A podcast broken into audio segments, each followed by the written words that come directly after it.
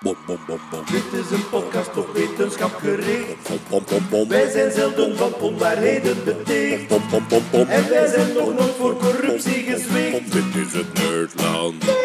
vaccin. Overzicht. Met uw gastheer Lieven Scheire. Een goede dag iedereen en welkom bij een Nerdland special. Het is eigenlijk geen maandoverzicht. We gaan het over een onderwerp hebben, namelijk een onderwerp waar wij heel veel vragen over krijgen, waar veel mensen zich soms zorgen over maken of gewoon in geïnteresseerd zijn. Het vaccin. Was het ooit actueler dan nu? Ik denk het niet. We hebben een paar mensen verzameld hier om het over die vaccins te hebben. Het gaat hem... Ja, wij, wij richten ons vandaag op mensen die zich zorgen maken. Ik snap dat ook. Als, als je niet precies weet hoe het werkt, wat erin zit, dat zijn de vragen die vaak terugkomen. Wat zit erin? Weten we dat wel? Ja, dat weten we. Dus we hebben mensen verzameld hier die ons daar uitleg over kunnen geven, in de hoop dat die informatie jullie kan geruststellen of interesseren. Bij mij zitten Hetty. Hey, Een goede dag. Dag, lieven. Sowieso al veel vaccin-uitleg gegeven, maar ook jij hebt soms nog vragen. Uiteraard, wie niet? Niemand weet alles, dus voilà. Nee, inderdaad. Dus hebben we er eh, Isabelle Leroux-Roels bijgehaald van het UZ in Gent, vaccinologe. En als ik mij niet vergis, Isabel, tweede generatie vaccinologe. Ja, dat klopt inderdaad. Eh, ik, eh, ja, mijn vader is ook vaccinoloog, viroloog. En het is misschien een stukje genetisch bepaald. Ja. in, ieder geval, het, in ieder geval heeft hij de passie wel kunnen doorgeven aan mij. Voilà. In de ketel gevallen toen je klein was. Ja. Ja, en alles van thuis uit meegekregen. Ja, dus vooral denk ik eh, de, de technische vragen en de samenstelling, daar zijn wij geweldig in geïnteresseerd. En daar gaan we eh, direct toe komen. Jeroen zit er ook bij, Jeroen Baert. Ja, ik, ik ben gewoon man van de straat vandaag. Als ik iets niet... Ik, ik probeer me echt... Ik zet de Jan met de pet-pet op en ik zal gewoon onderbreken als ik het niet meer snap. Maar ja, meer dan dat, Jeroen, je hebt ook eens gepolst bij onze luisteraars wat de grootste Ja. vragen zijn. En daar kunt je af en toe mee tussenkomen. Absoluut. En dan hebben we nog Ruben Mersch, schrijver, filosoof. Eh, ooit zelf, wa- waart jij farmacoloog of biochemicus? Nee, nee, nee, nee. Ik, ik was maar IT'er in de pharma. Ah, oké. Maar ik had wel veel te maken met de, de, de, de wetenschappers al Ja, daar.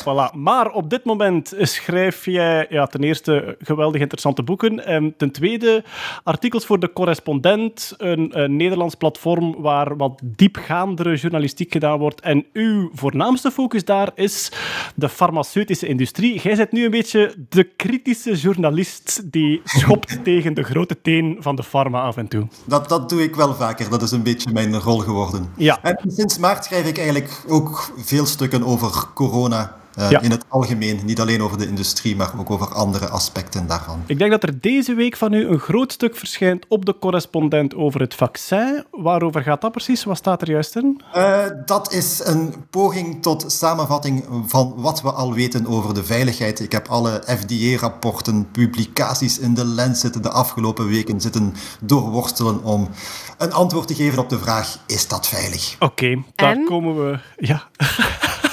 Hetty vraagt en. Dat eh, gaan we uitstellen. Dat moet er een beetje spanning in houden. Allee. Hoe was uw 5G-ontvangst na het innemen van het vaccin? Dat is een beetje. Ja, we gaan niet nu al beginnen met de conspiracy theories te vernoemen. Misschien moeten we ze gewoon negeren vandaag en het bij de feiten houden en het boeiend houden. Oké, eh, ik ga een beetje openen met misschien voor de mensen wat te duiden. Hoe moeten we deze pandemie zien in de geschiedenis? En ja, Isabel, dan, dan vraag ik het aan u, denk ik. Als we nu kijken naar ja, geschreven geschiedenis, en laat het ons dan simpel houden en, en de voorbije honderden jaren teruggaan, hoe uitzonderlijk is wat we nu meemaken? Nee, dat is eigenlijk niet zo uitzonderlijk. Hè. Pandemieën zijn van alle tijden. Pandemieën veroorzaakt door, door infectieziekten, vooral virussen dan, treffen ons al eeuwenlang. Hè. Eh, ik denk dat iedereen wel weet dat eh, de pokken al van in de middeleeuwen af en toe opdoken en in, op heel korte tijd heel veel eh, doden eisten. Als we kijken naar de recentere geschiedenis, dan hebben we een aantal grieppandemieën. De meest bekende is de Spaanse griep in 1918. Ja, dus men is niet heel zeker van het aantal overlijdens. Afhankelijk van de bron varieert dat, maar dat zou wel over 40 tot, tot zelfs 100 miljoen eh, overlijdens kunnen gaan. Dus ja, eh, meer zelfs dan slachtoffers die veroorzaakt zijn door de Eerste Wereldoorlog. Dus dat is eh, ja, niet zo uitzonderlijk. Ja, we zitten nu wel met eentje die recht van de dieren komt, dus die vorig jaar dan van dier op mens overgesprongen is. Ik vraag mij soms af, die andere klassiekers, zoals mazelen en pokken, zijn die ook ooit zo van dier op mens overgesprongen of hebben die een ander ontstaan? Ja, dat is een, goede vraag. Van griep weten we dat bijvoorbeeld heel goed, hè, dat dat eh, vanuit de vogels komt. Hè. Alle griepvirussen hebben eigenlijk als natuurlijk reservoir ja, wilde trekvogels. Eh, en, en dat een nieuw griepvirus vanuit dat dierlijk reservoir de sprong maakt naar de mens. Mazelen, voor zover ik weet, is eigenlijk een, eh, een virus dat het, uitsluitend bij de mens voorkomt. Dus het, het verschilt ja. wel een beetje. Als we hem nu vergelijken met de pandemieën die... Goh ja, als, als we dan zien, we hebben een Spaanse griep gehad. Ik geloof dat er in de jaren 50 ook eens een zware griepgolf geweest is. Ja, in de jaren 50, de jaren 60, de Hongkong-griep, de Aziatische griep. eh, ja, en dan nog een kleinere in de jaren 70. Eh, dat zijn de voornaamste. Ja. Mazelen komt blijkbaar wel uit een diersoort, uit vee. Ah, oké, dat Ja, wist ik nee. niet. En, en HIV natuurlijk, hè, eh, nog recenter. Ja, nu dat je het zegt, HIV, ook een typische zoonose van de apen naar ons. En welk, welk diertje heeft er nu uiteindelijk de schuld gekregen voor het coronavirus? Want dat, daar ben ik in geïnteresseerd, naar wie dat we moeten wijzen. Of is dat nog altijd onduidelijk? Dat is nog onduidelijk. Er is nu een, een WHO-team naar Wuhan gestuurd of gaat binnenkort vertrekken om zo goed mogelijk die oorsprong... maar- maar ze, ze mogen niet binnen, ja, heb ik is het waar? Ah. Nee, ze, mogen, ze zijn momenteel... Ze stonden daar aan de grens en ze mochten voorlopig nog niet binnen. Ehm, er zijn al veel pandemieën geweest. En inderdaad, eh, de voorbije 100 jaar zitten we, als we Spaanse griep er dan bijtellen, de voorbije 100 jaar zitten we dan aan de vierde op dit moment. Hè. Spaanse griep, nog een griepgolf, HIV en dan deze.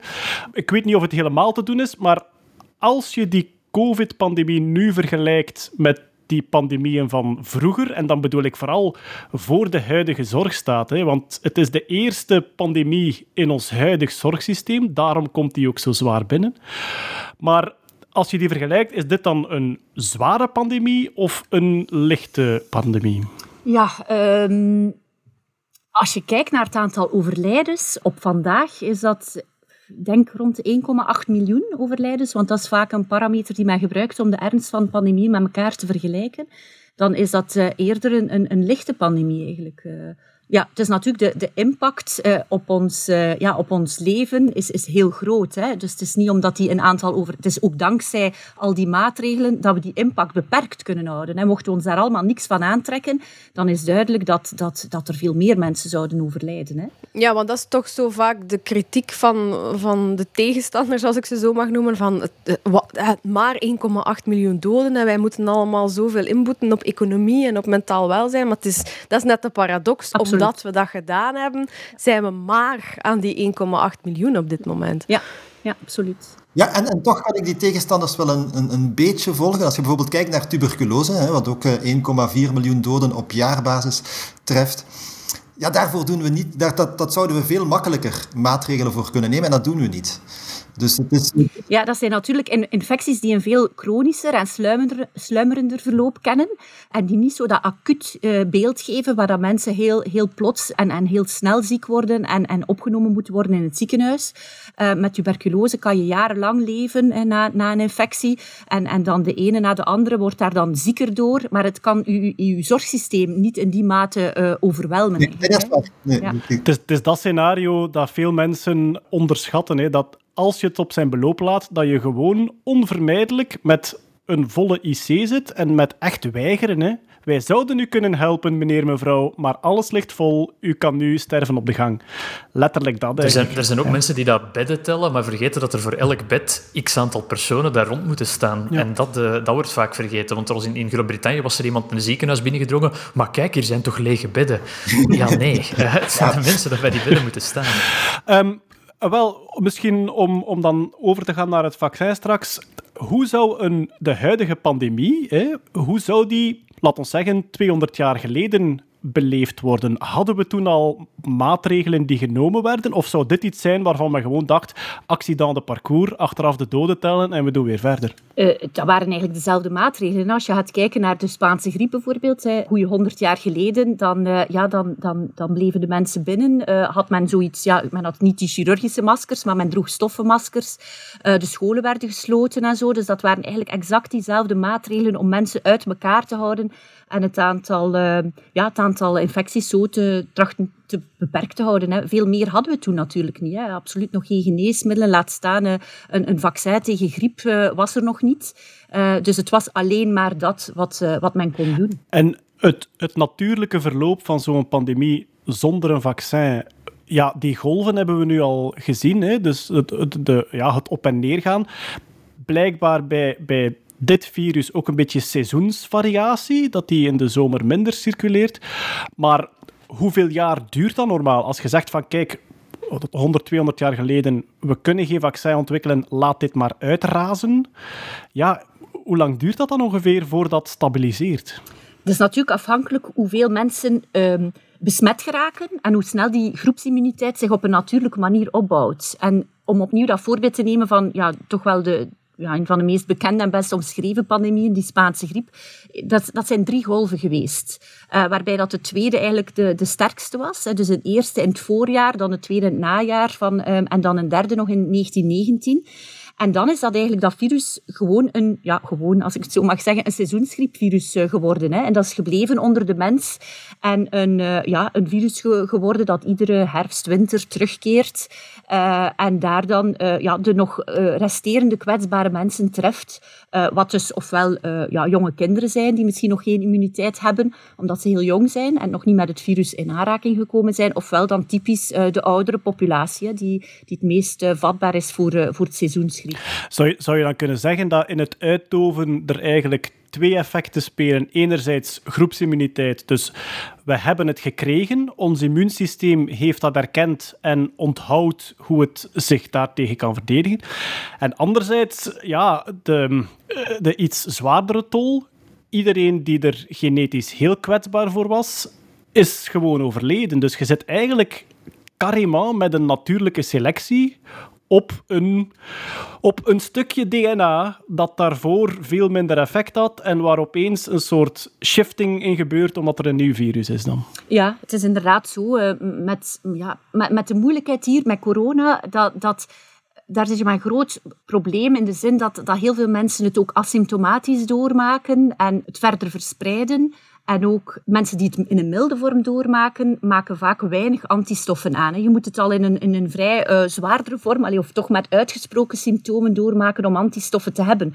Dus ik was heel blij van te horen dat die groepsimmuniteit, of die seroprevalentie, de aanwezigheid van antistoffen, dat dat nu gestegen is naar 14 procent. Dat waren we al heel blij dat we een keer boven die 10 procent zaten. Dat was nu een recente data of resultaten van het Rode Kruis. Maar dat is eigenlijk ja, na een jaar nog altijd zo'n besmettelijk virus. En uh, nog altijd wel heel erg laag. Hè? Dus als we het op deze manier zouden moeten doen, zijn we, zijn we er denk ik niet met, met drie golven. Uh, dus uh, zouden we nog veel langer moeten wachten. En bij de Spaanse griep was dat dan een stuk hoger, die natuurlijke immuniteit? Ja, dat was inderdaad hoger. Het was allee, een virus dat qua besmettelijkheid denk ik niet zo heel veel verschillend was. En ik denk dat het zich gewoon sterker nog verspreid heeft. Uh, men zal die maatregelen iets minder stringent hebben uh, toegepast. Hij had ook nog niet, ja, de, de mensen waren nog niet zo geconnecteerd als nu. Het was ook oorlog. Het was ook moeilijk. Hè? men heeft het de Spaanse griep genoemd. Niet omdat het uit, uit Spanje kwam, maar het is daar daar heeft men uh, er het meest over geschreven, omdat er daar geen oorlog was op dat moment. Uh, ah, serieus? Ja. Op alle ja. andere plekken werd het gecensureerd. Ja, ja, maar was men meer met de oorlog bezig. Hè? Uh, nee, dat klopt. En... Ja, mocht er ook niet over geschreven worden. Althans, was de, okay. was de pers in handen van ja, de, de, regering. En die zeiden van nee, nee, nee, daar gaan we niet over schrijven. We gaan het allemaal lekker op de Spanjaarden steken. Dat is toch ook weer hoe dat virussen en ziektes altijd de nationaliteit krijgen van een vijand of vooral iemand die uw land ja. niet is. Het is nu het Chinese virus, hè, Ah, althans ja. volgens mij. Ja. Dus dat is, uh, dat is leuk.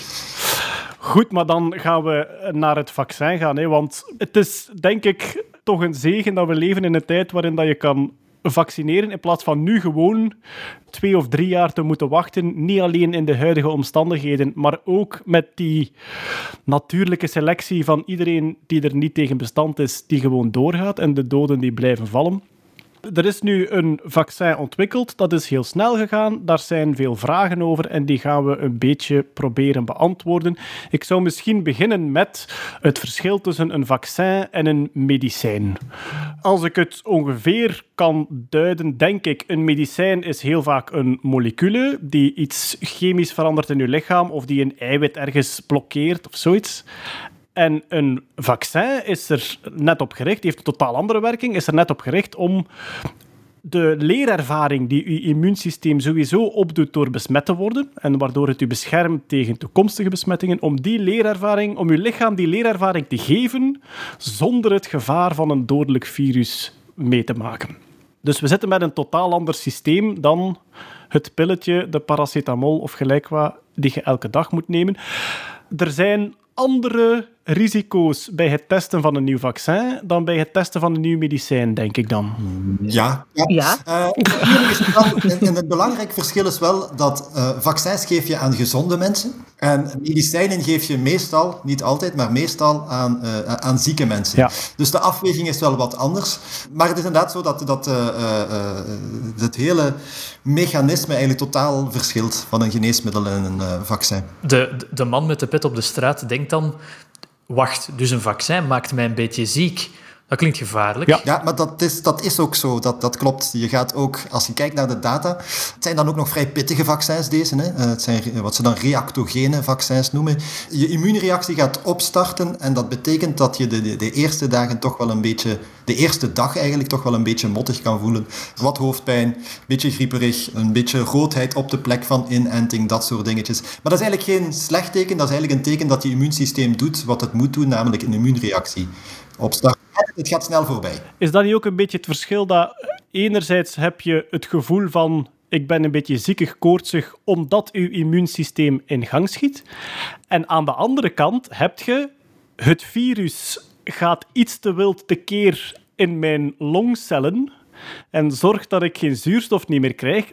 Dat is iets, denk ik, wat een vaccin niet gaat veroorzaken. Nee, Omdat dat net een soort... Dat is, dat is niet de bedoeling.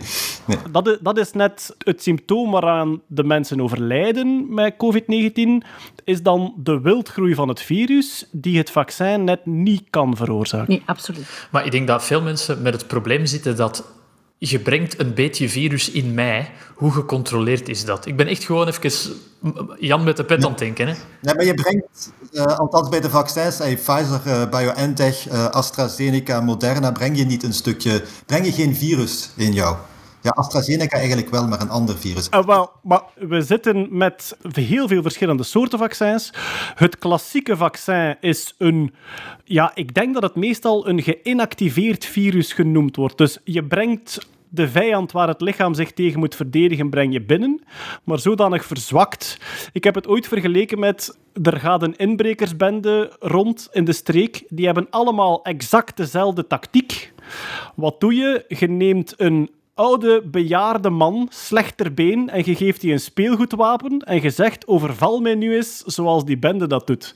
En de politie kijkt mee en die zien perfect langs welk raam dat die binnenkomt, wat die precies doet. En als de echte inbreker komt, kennen ze alle plannen op voorhand en kunnen ze die gemakkelijk onschadelijk maken. Dat is het beetje het, de oude tactiek van het geïnactiveerde virus.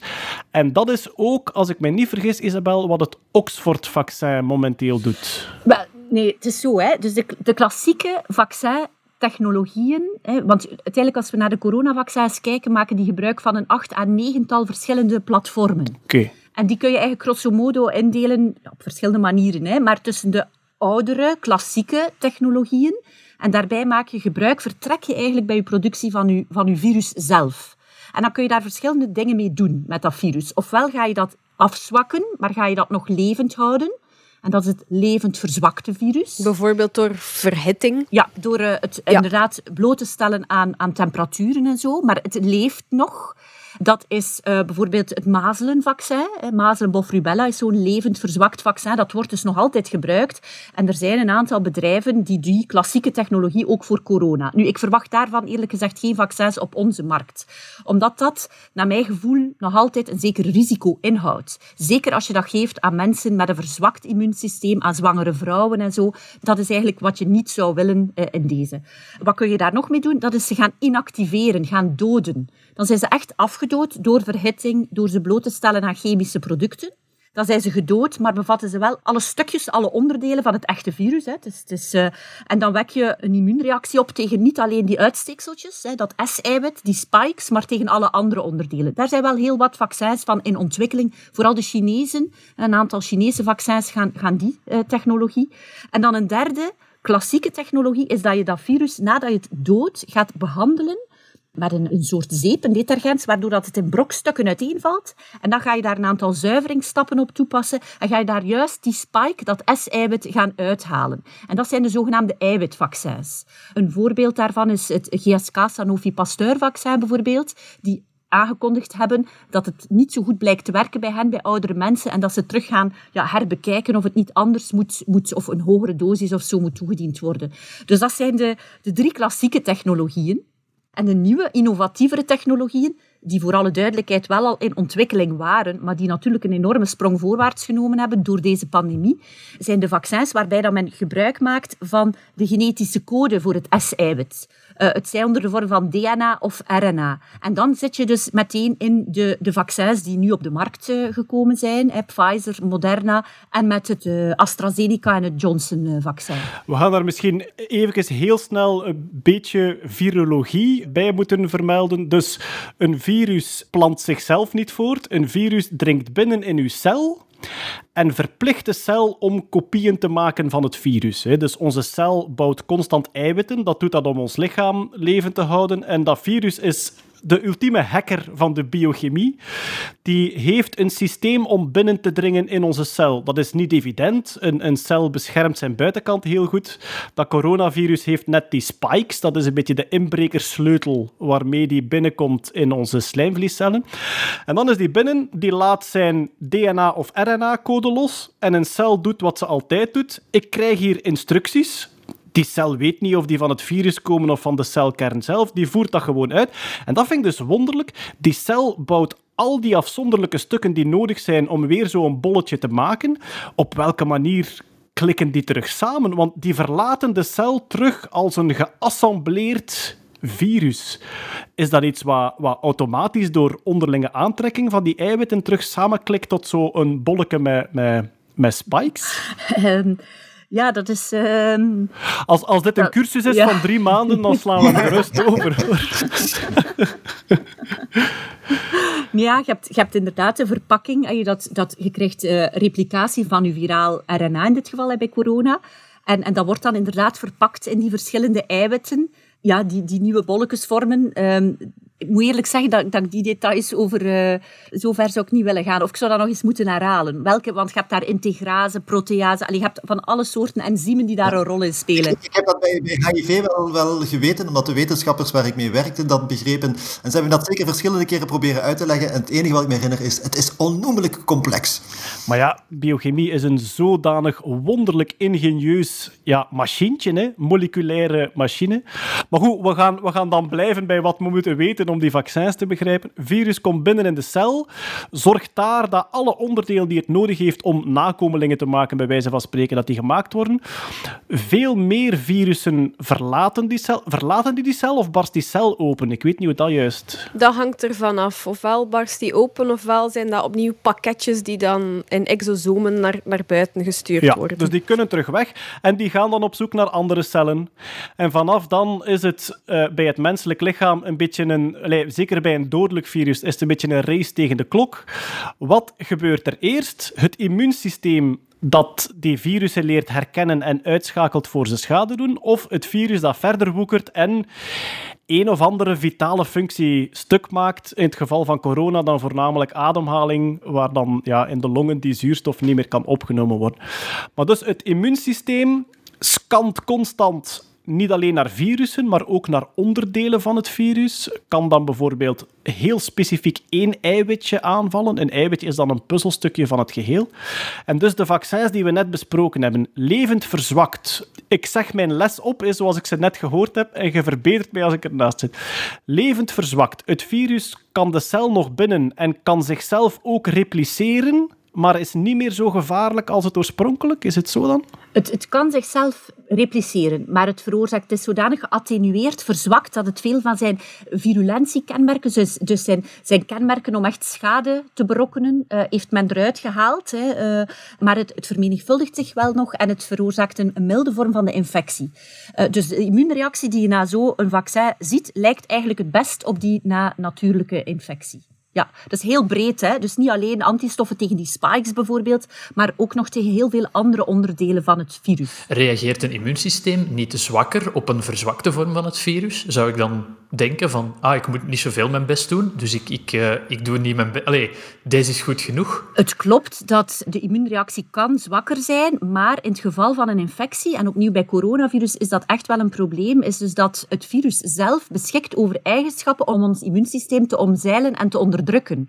En dat is ook de reden waarom dat je niet bij iedereen een sterke immuunreactie uh, ziet of, of, blijvende antistoffen, omdat het manieren heeft om verschillende pathways uh, van je immuunsysteem wat, wat lam te leggen. Dat blijkt heel verschillend te zijn. Een stukje genetisch bepaald ook en men is nog volop bezig met dat te, te ontrafelen. Het is ook niet altijd zo dat hoe meer virus of allez, verzwakt virus of vaccin, whatever dat je toedient, hoe beter dat die immuunrespons is. Bijvoorbeeld bij dat Oxford-vaccin hebben ze nu toevallig in een bepaalde groep een halve dosis toegediend. Er was ergens een reekfout of een communicatiefout of zo. Maar ze zien dat in die groep mensen die maar een halve eerste shot gekregen hebben, dat die effectiviteit eigenlijk een stuk hoger is. Klopt, hè, Isabel? Ja. ja. ja anderzijds zijn er toch ook wel een aantal statistici die zich daar nog vragen bij stellen bij de mate waarin dat echt het geval is. Oké, maar wil ik maar zeggen... Ik ben als een homeopathisch vaccin. Verdoe dat nog eens en zie wat er gebeurt. Jeroen brengt ze niet op ideeën. Hè, want, uh, ja. 100 inspuitingen van één ampul. Die zijn er al. Ik heb toch altijd... Je moet, moet dat eens googelen. Dan vind je al mensen die beweren dat ze een homeopathisch vaccin hebben. Uiteraard. Ik ga dat niet googelen, want ik, ik wil mijn bloeddruk laag houden. ja. Maar ja, wil ik maar zeggen, een immuunrespons van een lichaam is niet altijd iets dat heel lineair is of zo. Maar we gaan dan even verder de ladder af. Dus we hebben levend verzwakt. We hebben dan een dood virus. Moet ik daar dan uit begrijpen dat als onderdelen de cel binnendringen, dat die zich niet meer kunnen repliceren? Klopt, ja. Dus dat die geen nieuwe virusdeeltjes kunnen bouwen? Dat is inderdaad volledig afgedood, maar het lichaam gaat het wel aanvallen en gaat de verschillende onderdelen herkennen en gaat daartegen dus ook uh, een immuunreactie opwekken. Maar het, het dringt niet actief de cel binnen, dat is juist. Dus in plaats van de bejaarde kreupele inbreker, gooien we gewoon een dode inbreker binnen. en leren we ons. Ja, inderdaad. Misschien gewoon voor mijzelf, die, die immuunreactie, gebeurt die in de cel zelf of gebeurt die tussen de cellen? In, in de... Tussen, Ah, ja. tussen de cellen. Dus het moet weer de cel buiten komen om daar... Ja, het presenteert eigenlijk een stukje van dat eiwit op een MHC1 of 2-complex, of allebei zelfs. Ehm, ja, dat is heel technisch, maar het toont eigenlijk ja, op, op, een, op een dienblaadje een stukje van het spike-eiwit of het volledige spike-eiwit of andere eiwitten aan andere cellen in ons lichaam. Het is inderdaad complex en ik ga iedereen die een spoedcursus wil krijgen, ga ik jullie Valentijns Symposium aanraden. Isabel, ik denk dat dat twee jaar terug is. Hebben jullie, denk jij samen met Vino, was het, denk Ja. ik? Kan dat? Vigo. Ja, eigenlijk een soort basisuitleg gegeven. Ik denk dat het, het doelpubliek was al redelijk op de hoogte van immunologie, denk ik. Hè? Eh, het waren Ja, zelf waren- al geneeskundigen. Eh, verpleegkundigen eigenlijk van, van ja, kind- en gezin, CLB, dus vaccinatoren.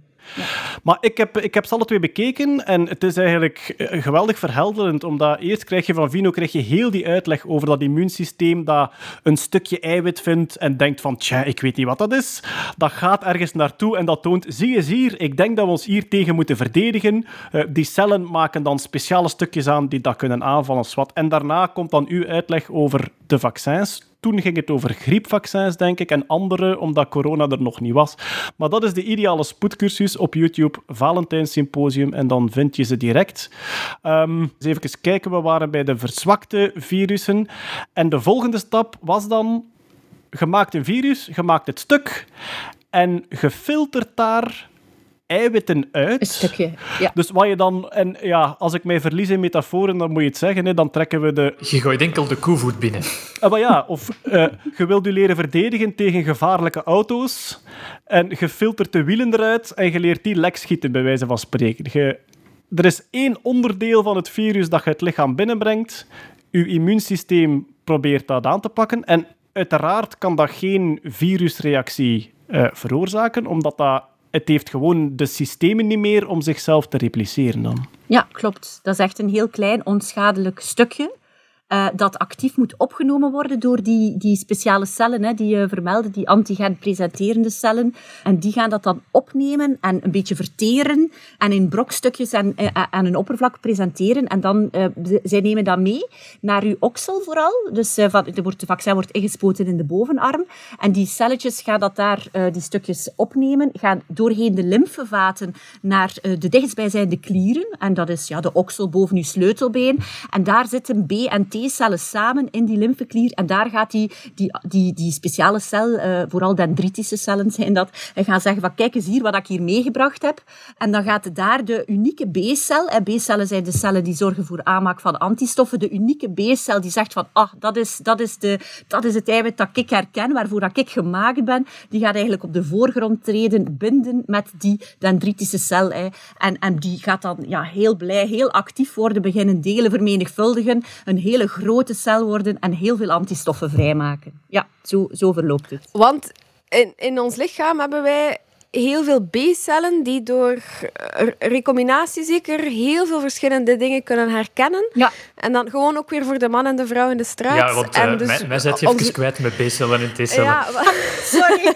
sorry. Maar ja, het zit ook prachtig in heel die presentatie van het Valentijn Symposium. Ehm, daar wordt het vergeleken met, in plaats van dat je een gigantische bibliotheek hebt van 10.000 verschil of 100.000 verschillende boeken, heb je gewoon een hele verzameling bladzijden die je kunt combineren op allerlei mogelijke manieren. En eigenlijk, als je 500 bladzijden hebt, de mogelijke combinaties dat je daarmee kunt maken, zijn al gigantisch groot. Ja. En ons lichaam doet dat al op voorhand. Dus die zijn er al in ons leven. Die bibliotheek is er. En die komen dan iets tegen waarvan dat ze zich, waarin dat ze zichzelf herkennen. En dan gaan die zich keihard beginnen vermenigvuldigen. Ja, hè? Ja. Ja. Ja. Nu, we hadden het daarnet over, als je gewoon die eiwitjes binnenbrengt, dan eigenlijk kunnen die je cellen niet aanvallen, zichzelf niet repliceren. Maar van een vaccinprikje krijg je wel een ontstekingsreactie. En dus, wat heb ik geleerd, Isabel, uit uw Valentijn Symposium? Je moet je lichaam een beetje pesten om die politiemannen op te roepen. Als zijnde, zonder ontsteking zou ons immuunsysteem niet komen kijken of er iets aan de hand is. Dus jullie moeten iets toevoegen aan een vaccin, gewoon om aan, de immuun, om aan het immuunsysteem te zeggen, jongens, hier is iets aan de hand, kom hier eens zoeken naar onderdelen. Ja, absoluut. En dat is vooral bij die eiwitvaccins. Want die zijn naar veiligheid toe natuurlijk, eh, ja, als je dat vergelijkt met zo'n levend verzwakt virus, is zo'n opgezuiverd eiwit natuurlijk veel veiliger. Dat mag je wel toedienen aan zwangere vrouwen, aan, aan, aan mensen met eh, eh, problemen met het immuunsysteem. Maar dat, ja, ehm, ook afhankelijk van, van, van vaccin tot vaccin hoor. Eh, je hebt eiwitvaccins die prima werken zonder dat extra pushje. Maar sommige hebben echt wel een, ja, een, een, moet je er een stof aan toevoegen die je immuunsysteem wat wakker schudt en die die ontstekingsreactie eh, opwekt. Men noemt dat een adjuvant. En welke stof is dat dan? De meest voorkomende is aluminium. Die gebruikt men al sinds eh, 1920 ongeveer. Mo. Grootschalig eh, in heel veel geregistreerde vaccins. Dat het gaat over minuscule hoeveelheden, hè, voor alle Het duidelijkheid. zijn ook eh, aluminiumzouten. Het is geen, het zijn nee. geen brokjes metaal. Uiteraard. Aluminiumhydroxide of ja, aluminiumfosfaat, inderdaad. Dus twee varianten. Het is niet dat je een aluminium hoedje kan verpoederen en dat inspuiten. Nee, nee, nee, nee. sorry, inderdaad. Dus we gaan even terug naar het virus, een gewoon virus. Hè. Komt naar een cel, slaagt erin om zijn DNA of RNA binnen te duwen in die cel. De cel voert gewoon instructies uit, omdat hij van die beter weet, dus die bouwt daardoor nieuwe virussen. In de eerste plaats alle eiwitjes die het virus nodig heeft om zijn puzzeltje terug te maken. En dus de nieuwe stap is eigenlijk met die mRNA-vaccins dat we zelfs geen eiwitjes inspuiten in het lichaam. We gaan enkel maar de instructie inspuiten, waardoor onze cel zelf die eiwitjes begint te bouwen, zoals ze ook doet als een virus RNA loslaat in die cel. Dus we gaan eigenlijk nog een stap terug. We laten ons lichaam zelf die eiwitten bouwen. En dat is dan effectief een nieuwe technologie. Ja, dat is inderdaad die, die RNA-vaccins. Dat is de eerste... In 1978 eigenlijk is men daar al mee begonnen, hè, met de ontwikkeling daarvan. Dat was een, een, een Hongaarse biochemicus die daarmee gestart is. Ondertussen woont hij in de, in de Verenigde Staten en is die ook, uh, heeft hij ook een, een, hoge functie bij Moderna. Maar zij heeft daar eigenlijk al de basis gelegd in, in 1978.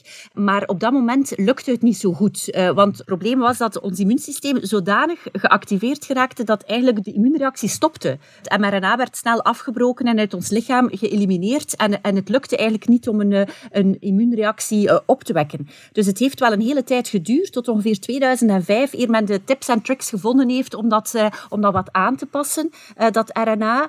Uh, ja, bepaalde nucleotiden heeft men aangepast. En ja, sindsdien is men eigenlijk, gaat, het, gaat het heel snel vooruit. want sommige mensen hebben de indruk van, van waar komt dat nu, RNA-vaccin? Dat is precies iets helemaal nieuws. Wie heeft dat hier plotseling door die pandemie hier uit zijn, uit zijn schuif gehaald en op de mens losgelaten? Dat is dus niet zo. Er waren heel wat vaccins en er zijn heel wat andere vaccins en ook kankervaccins, dus therapeutische vaccins, in ontwikkeling. Dus zelfs zonder deze coronapandemie was dat een nieuwe ja, evolutie die we hadden mogen verwachten de komende jaren. Hè. Ja, dat is inderdaad iets dat vaak terugkomt. Hè. Die vraag van ja, dat is zo nieuw. Maar goed, die mRNA-vaccins zijn nieuw, maar ze zijn absoluut niet onbekend. Hè. Wordt al decennia onderzocht. Ik denk dat er een aantal griep- en zika- en rabiesvaccins uh, in ontwikkeling zijn met die technologie. En inderdaad, voor de vaste luisteraars van de podcast, die Hongaarse vrouw, dat is diegene die getipt werd voor een uh, Nobelprijs. Daar heeft Lieven het over gehad, denk ik. Katalin Kariko heet ze, ja, inderdaad. Uh, ja, en in 2005 zijn ze ook echt begonnen met die nucleotiden. Daar hebben we het ook over gehad vorige keer. En ook over het feit dat dat best in een, in een vetbolletje ingewerkt zit, dat, dat vaccin, omdat het dan minder snel wordt af, het mag niet direct afgebroken worden natuurlijk. Hè. En vooral, dat is dan mijn achtergrond in kankeronderzoek, wou ik ook even, inderdaad, dat wordt al een tijdje gebruikt om eigenlijk ons immuunsysteem te triggeren om, om kankercellen aan te vallen, die mRNA-vaccins. Dus dat is echt iets dat, dat was gaande. En zelfs inderdaad zonder deze pandemie uh, zou dat... Uh, uitgekomen zijn. Daarvoor kunnen we verwijzen naar onze, onze gewone podcast, Nerdland Maandoverzicht. En ook, denk ik, het artikel van uh, Bert Hubert, dat we daarin besproken hebben. Bert Hubert, is hij toch, heeft gemaild. Is het is op zijn Frans. Ah, voilà. ja. ik denk, maar wie gewoon googelt op Bert Hubert vaccin reverse engineering, die zal het waarschijnlijk al tegenkomen. Het is een fantastisch artikel waarin hij niet alleen de hele code bespreekt van dat mRNA, maar ook die voorgeschiedenis. En dan wordt inderdaad duidelijk wat je zegt, uh, wat je net zegt, Isabel, dat het gaat nu heel snel omdat wij steunen op tientallen jaren onderzoek en ook een paar geniale ontdekkingen die jaren geduurd hebben, die nu samenklikken in dat nieuwe vaccin, in die nieuwe mRNA-technologie. Die, die vetbolletjes, ik zou daarop willen inpikken, want als je gewoon die code zou inspuiten in uw schouder, dan gebeurt er denk ik weinig, omdat dat gaat een beetje rondzweven tussen de cellen waar het toch niet uitgevoerd wordt. Uw lichaam gaat dat opruimen en er is eigenlijk niets gebeurd. Dus dat is een vraag die heel vaak terugkomt. Wat zit er nu in dat vaccin? Wat is nu de ingrediëntenlijst daarvan? We hebben al twee dingen gehad. We hebben al mRNA, de code waarvan dat we willen dat de cel die gebruikt om die eiwitten te bouwen, zoals ook gebeurt bij een virusinfectie. Mag ik dat het recept noemen? Ja, okay. we hebben al... Um, ja, we gaan een beetje Jeroen Meus. Dus wat hebben we nodig om weer een lekker vaccin te maken vandaag? dus we hebben ja, het mRNA, de code zelf. We hebben bijvoorbeeld die aluminiumzouten die gewoon eventjes uw lichaam wakker maken van oei, hier is iets aan de hand. Nee, in deze vaccin zit Oei, geen no, aluminiumzouten in deze? Een... Niet nodig. Niet nodig. Nee. Ah, oké. Okay. Ah, dus dat extra dingetje dat een ontsteking moet veroorzaken, heb je niet nodig bij mRNA-vaccins dan? Nee, dat is uh, de combinatie van die vetbolletjes en het RNA, dat, is, uh, dat stimuleert echt heel sterk je immuunsysteem. Ik heb in ieder geval gelezen dat die vetbolletjes wel een stukje van die adjuvansfunctie vervullen. Absoluut, absoluut. Ah ja. Het is al irritant genoeg. Ja. ja. dat is alweer een nieuw t-shirt, Jeroen. Ik ben irritant genoeg, geen aluminiumzouten nodig. Voilà. En dan die vetbolletjes. Als ik me niet vergis, is die functie net om die code die enkel maar door de cel uitgevoerd kan worden, om die binnen te brengen in de cel? Ja, onze celwand bestaat ook uit die vetten, dus dat versmelt eigenlijk met elkaar. En door die versmelting ja, ja, ko- komt die inhoud vrij. Maar is dat geen, is dat geen topstaaltje van biochemisch engineering om zowel de samenstelling als de grootte, als allee, de mix... Hoe moeilijk was dit, Isabel, in de, in de vaccinologie, om dat juist te krijgen, die vetbolletjes? Dat, dat is niet gemakkelijk, absoluut niet. Het is een combinatie van, van vier vetten, eh, onder andere cholesterol, en dan drie met de onuitspreekbare namen, dus eh, vraag niet om, om, eh, om ze na te zeggen. Maar ik weet wel dat dat, dat, dat echt heel moeilijk is, effectief. want het is de grootte, de, de ratio van die verschillende vetten, eh, die bepaalt in welke mate dat, dat, u, dat dat hele proces, dat ik daar juist ook benoemd heb, hè, die antigenpresentatie en zo, dat wordt daardoor bepaald. En er zitten ook verschillen tussen in die, in die lipiden en de verhoudingen tussen de twee verschillende vaccins. Want mensen zeggen, ja, het een is 30 microgram en het andere is 100 microgram. Hoe komt dat? Is dat een nu beter of minder goed dan het andere? Maar dat ligt ook voor een stukje in, eh, ja, in het recept van de verschillende bedrijven. Hè. Dan heb je het over de Pfizer en de Moderna-vaccins. Hè? Ja. Klopt, ja, dat zijn het. Kan ik als mens kan ik dikkere celwanden hebben dan iemand anders? Kan het zijn dat, dat, dat, dat ik gewoon extreem, extreem sterke celwanden heb? Zo kennen mensen, zo kennen mensen mij. Komt niks in. Body, body Ja. positivity, Jeroen. Je bent mooi zoals je bent. Of, of is het gewoon ge- irritant genoeg voor iedereen? Ja, ik ben maar aan het zoeken, hè, jongens, sorry. Het lijkt bij iedereen te werken. Ja. Ik zou denken... Ja, ik zou denken dat onze cellen toch na al die jaren evolutie tamelijk standaard zijn qua celwanddikte. Maar ik kan ook mis zijn. Ah ja. Omne cellula e cellula, hè. Ik word hier, ik word hier bekeken door drie experts en lieve met zo'n blik van Jeroen. Jezus, doe me vragen. We hebben die mensen hier eigenlijk. Jeroen, mijn geheim is gewoon om de blik van de andere drie te kopiëren en dan lijkt het alsof ik mee ben, hè, zie je? Ja, je bent, eigenlijk een cel die meedoet. Ja, voilà. Ja, want nog een vraag die veel mensen hebben is, eh, RNA, de- kan dat mijn DNA niet aantasten? Nee. En, nee, dat, dat, Nee. Ja, gelukkig niet. Nee, absoluut niet. RNA is iets anders dan DNA. Maar je, je snapt het niet. DNA en RNA, dat is maar één letter verschil. Dus het moet wel elkaar beïnvloeden. Het moet. Ja, Hetty krijgt die vraag van iedereen. En eh, laat ons zeggen, Hetty heeft ooit een artikel geschreven over CRISPR, dat nu door antivaxers gebruikt wordt om te bewijzen, in hun hoofd natuurlijk, hè. zij denken dat dat artikel aantoont dat het vaccin ons DNA kan aanpassen. Echt waar. Ik doe al drie jaar een poging om CRISPR uit te leggen in boeken en eh, op tv en in theatershows, maar dan circuleert zo'n artikel. Ah, ik vind dat verschrikkelijk. Maar kijk, ja. Kijk, mijn les als journalist, alles wat je schrijft gaat Ah, ooit tegen jou. Dus nogmaals, Alles kunnen ze op een of andere manier wel zo draaien dat het eh, plots hun gelijk bewijst. Dus nee, zo'n RNA-vaccin kan uw DNA niet aanpassen. Dat wordt veel te snel afgebroken en dat kan ook niet in onze kern binnendringen. Ons DNA zit in onze celkern, dus het kan daar niet binnen. En het is ook niet omdat een aantal vaccins met de CRISPR-technologie gemaakt worden, dat dat wil zeggen dat er CRISPR in die vaccins zou zitten. hè. Het is niet omdat je eten met kookpotten maakt, dat er ook kookpotten in uw eten zitten. Dus eh, ja. ja. Trouwens, we kunnen daar ook aan toevoegen, denk ik. Het RNA-systeem is nieuw als vaccin, maar het doet eigenlijk exact wat een virus ook doet. Een virus laat ook zijn RNA los in uw cel. Uw cel begint ook die eiwitten te bouwen. We zorgen er alleen voor dat het op zo'n manier gebeurt dat je er niet dodelijk ziek van kan worden. Ja, maar sommige virussen die bouwen natuurlijk wel. eh, de retrovirussen bijvoorbeeld. Retrovirus, Ja, HIV bijvoorbeeld. HIV, Ja. ja. die bouwen wel een stuk van, van hun code in, in ook heel, een heel groot, niet heel groot, maar in ons DNA zitten er tamelijk veel restanten van oude virussen waarmee dat wij ooit geïnfecteerd geweest Maar zijn. niet van coronavirus over de... Maar, en ook niet van de vaccins. Niet van vaccins en niet van coronavirussen. Eh, zijn we er dan met het recept, met de ingrediëntenlijst, met de vetbolletjes en het mRNA? Moet daar nog iets aan toegevoegd worden van peper en zout om dat ingediend te krijgen? Daar zitten nog een paar, daar zit nog waar, een, een paar zouten in. Hè. Eh, natriumchloride, inderdaad, zout zit erin.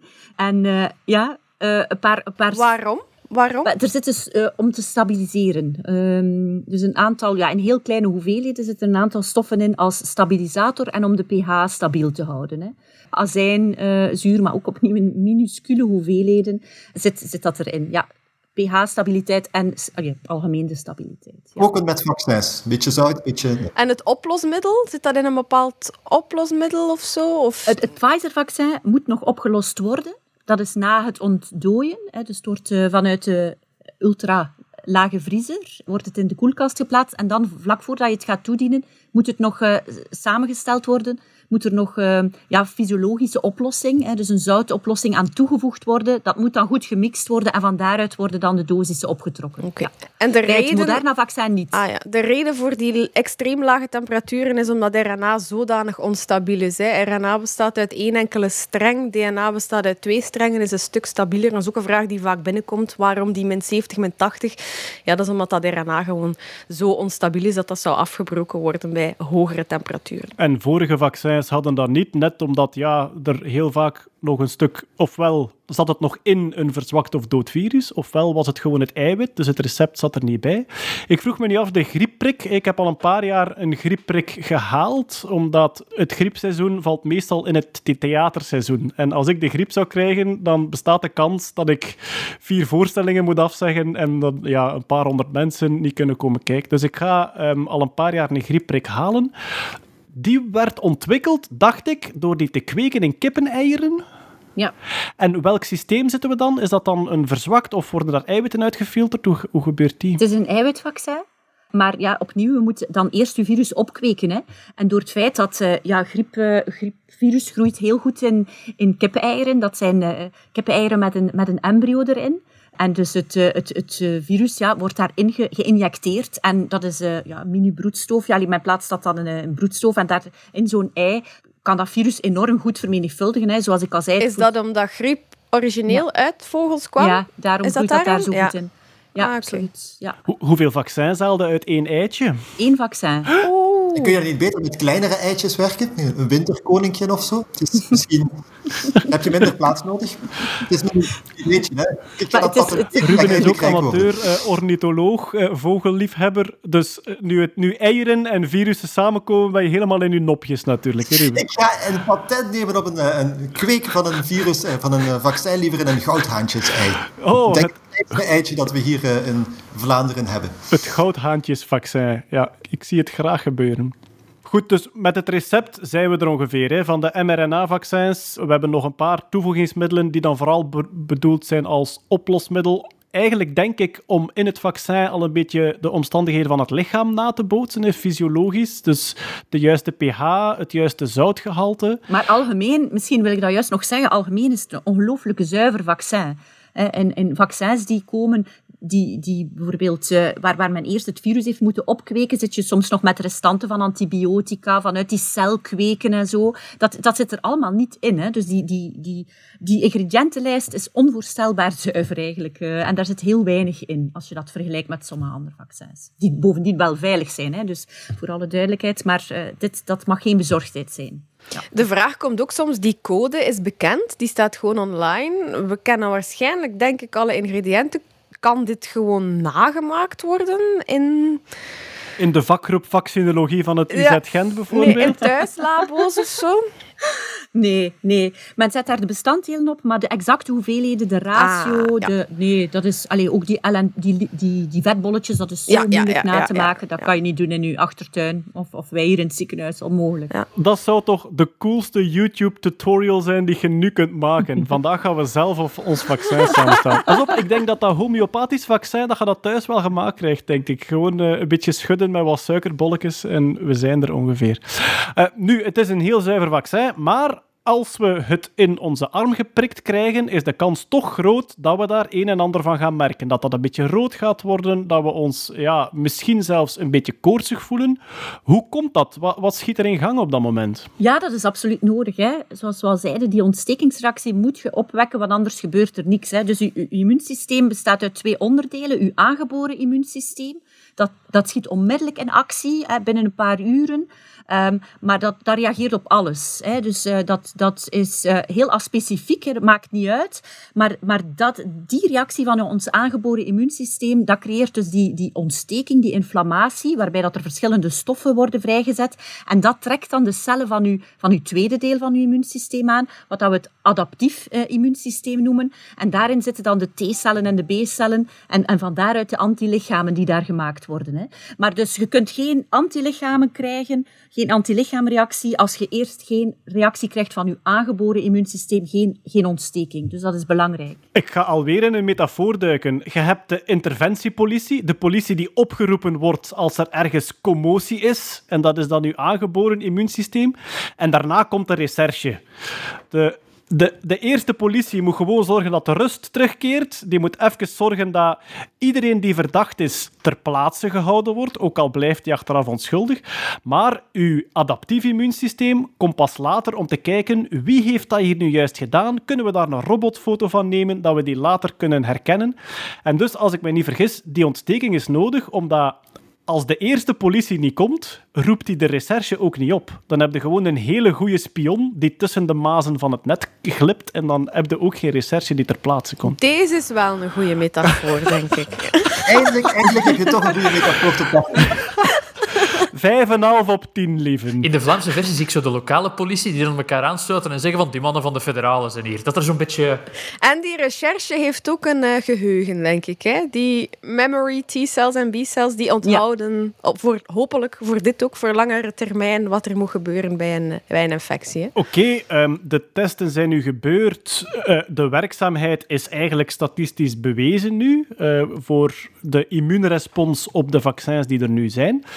Wat is er nu het voorbije jaar allemaal getest? Niet alleen qua werkzaamheid, maar vooral qua veiligheid. Want dat is hetgeen waar de mensen de meeste vragen bij hebben. Ehm, ja, het is, het is ook een beetje paradoxaal. En pas op, alweer, ik ga niemand met de vinger wijzen, want ik snap het volledig. Mensen, eh, als, er, als, het, als het vaccin er te snel is, zijn mensen ongerust omdat ze zeggen van ja, maar ja, maar is dat allemaal wel getest? Maar als je een uitleg geeft over de uitgebreide veiligheidsprocedures, dan zijn er ook mensen die zeggen van zeg, eh, waarom moeten jullie zoveel testen doen? Wat kan daar allemaal mee mislopen? Dus stel ik eventjes de vraag, wat kan er mislopen met een vaccin en waarom doen, wel, wat hebben we allemaal getest het, voorbije jaar dan? Wat hebben we getest? We hebben het ingeënt bij een hele, hele, hele grote groep mensen. Per altijd, ja, afhankelijk van vaccin tot vaccin, pakweg 30.000. Die hebben we dan heel lang opgevolgd. Enerzijds om te kijken van, worden die besmet of niet? Want je hoopt dat mensen die het vaccin gekregen hebben minder vaak besmet geraakten dan mensen die het vaccin niet gekregen hebben. Dat bleek het geval. De kans dat je besmet geraakt... Nee, eigenlijk de kans dat je COVID krijgt, ik moet het juist zeggen, is 90% pakweg lager als je gevaccineerd was dan wanneer je niet gevaccineerd was. Dus dat. We gaan er al eventjes duiden. Hè. Dus COVID is de ziekte, SARS-CoV is het virus. Je kan, je kan drager zijn van SARS-CoV-2 zonder dat je ziek wordt. En dan heb je wel het virus, maar niet de ziekte COVID eigenlijk. Ja, Oké. en in deze studies hebben ze gekeken van eh, hoe groot is de kans dat je COVID krijgt, dat je ziek wordt. Minstens één symptoom. De definities verschilden een beetje van eh, studie tot studie. Minstens één symptoom, laten we het zo even samenvatten. Indien je gevaccineerd was versus wanneer je niet gevaccineerd was. En wat ze zagen, de kans dat je ziek wordt is heel veel kleiner als je gevaccineerd was. Dat is natuurlijk zeer goed nieuws. En we gaan daar misschien nog wat wetenschappelijke methode aan toevoegen. Dat wordt dubbelblind getest. Dus eh, je neemt 10.000 mensen, 5.000 daarvan krijgen een vaccin dat zou moeten werken, dat getest wordt. 5.000 krijgen exact dezelfde soort inenting, maar zonder dat er werkzaam vaccin in zit. Er waren soms wel placebo-vaccins. Dan gaven ze vaccin tegen een ziekte waar nooit iemand last van heeft. Ah, oké, ja, ja, ja, voilà. Maar dus eh, zowel de persoon die het vaccin krijgt, als de persoon die het vaccin geeft, weet niet of het werkzaam is of niet. Dat wordt achteraf pas bekeken, zodanig dat ook het gedrag van de persoon die ingeënt is niet beïnvloed wordt door het feit of die een werkzaam vaccin heeft of Als je niet. zou zeggen, jij hebt een echt vaccin gekregen, dan gaan mensen misschien denken van oh, ik hoef me niet meer aan de regels te houden, ik ben toch gevaccineerd. En dan gaat dat natuurlijk je resultaten vertekenen. Dus de bedoeling dat dan dubbel... Het is misschien een detail, maar degene die vaccineert weet het wel, want het ziet er verschillend uit. Eh, maar die persoon die vaccineert mag voor de rest eh, niks met de studie te maken hebben. Ja, die Dus, doet de analyse niet. Nee, die, die, en die, die, die Ah. ziet de deelnemers ook niet terug om te vragen hoe heb je je gevoeld en wat heb je hier allemaal opgeschreven op je, op je symptomenkaarten Oh. en zo. Eh, maar in de, ja, Iemand moet het natuurlijk wel weten, want anders ja, kun je niet... eh, eh, eh, kun je...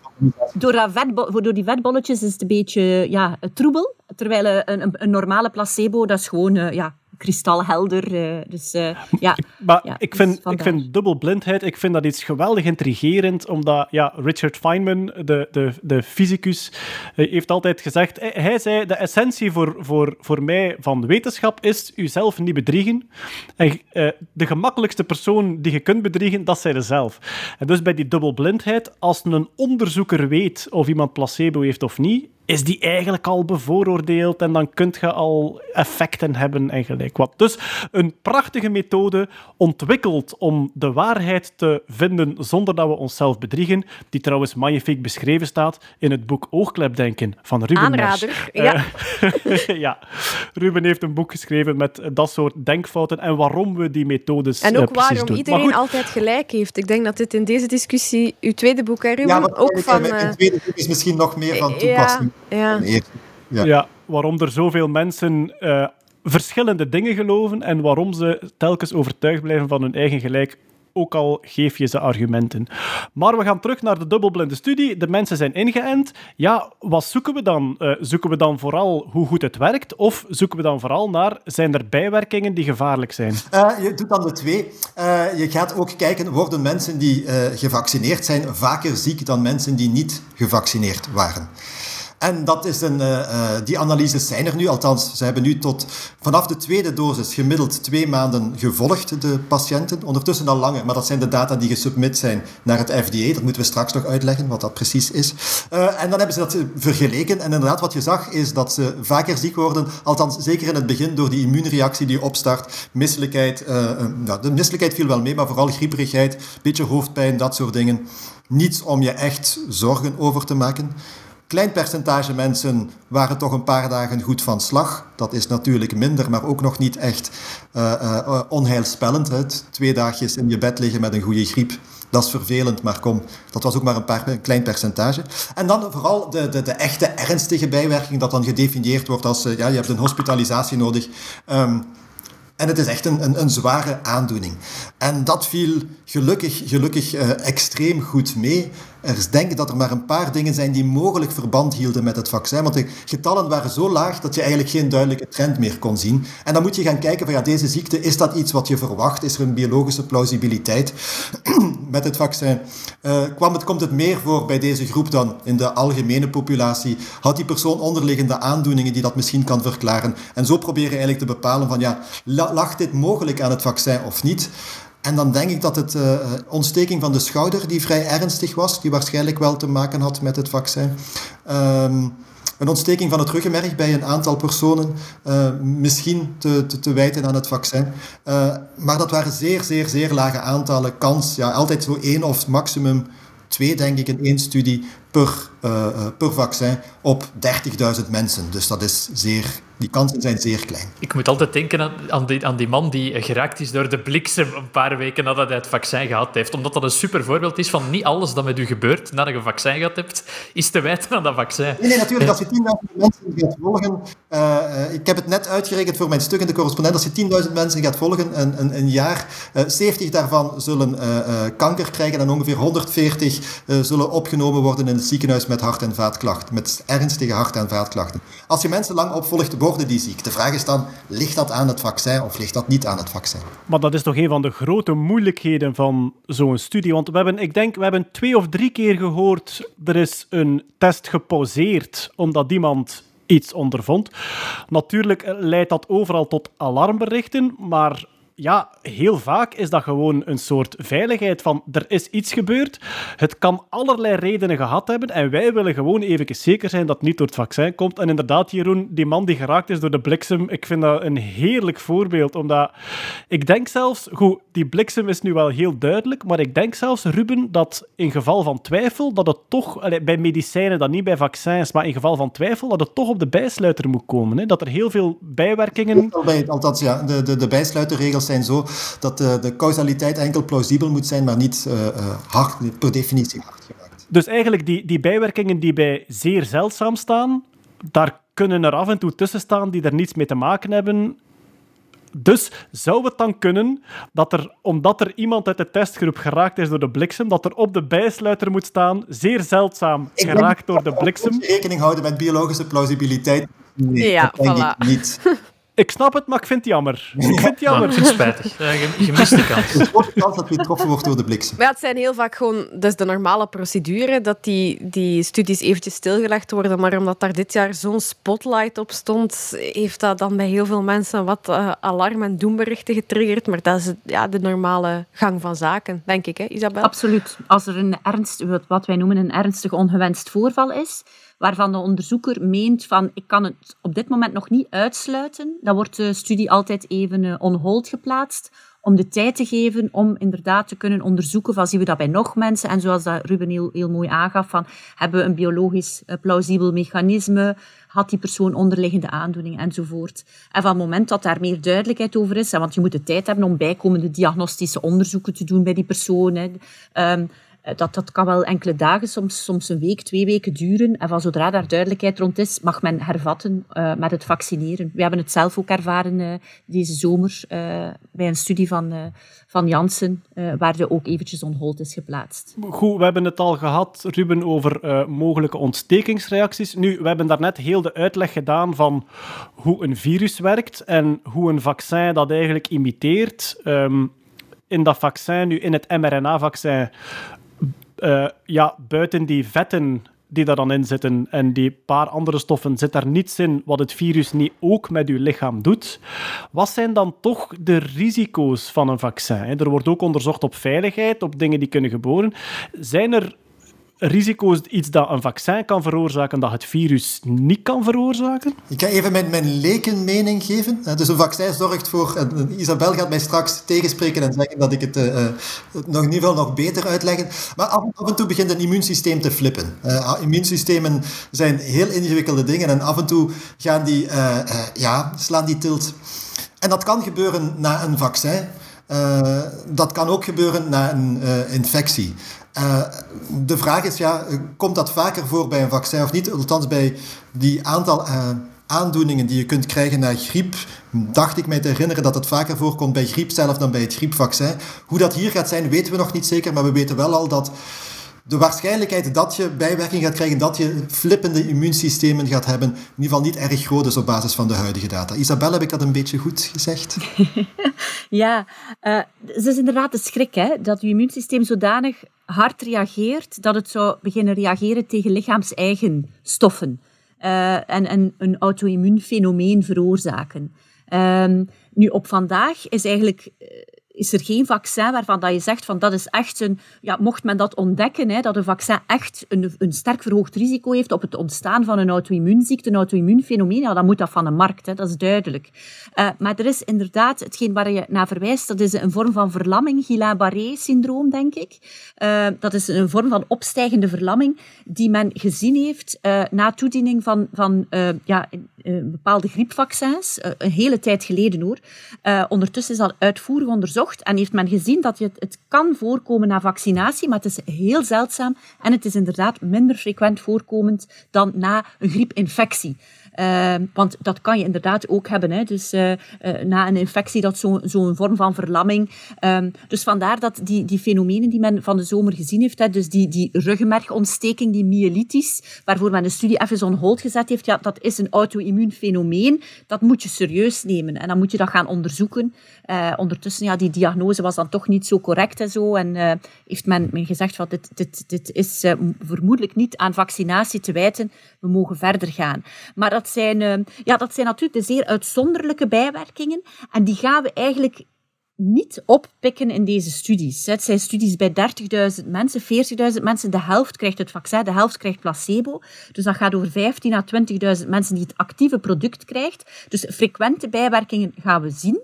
De heel zeldzame zaken, dat gaan we maar oppikken eens dat het vaccin bij, ja, aan de bevolking wordt toegediend. Een hele grote groepen. Klopt toch dat je de, het aantal deelnemers moet delen door drie, de rule of three, om ongeveer te weten hoe groot de kans is, hoe zeldzaam de bijwerkingen zijn die je niet gaat ontdekken. Dus ik ben, eh, eh, om, een, studie, om een, een, bijwerking met een zeldzaamheid van 1 op 10.000 te ontdekken, heb je een studie van 30.000 mensen nodig. Dus op basis van de grootte van de huidige studies kun je zeggen, alles wat eh, een, een zeldzaamheid heeft, van minder dan 1 op 5.000, pak weg, zullen we met deze studies oppakken.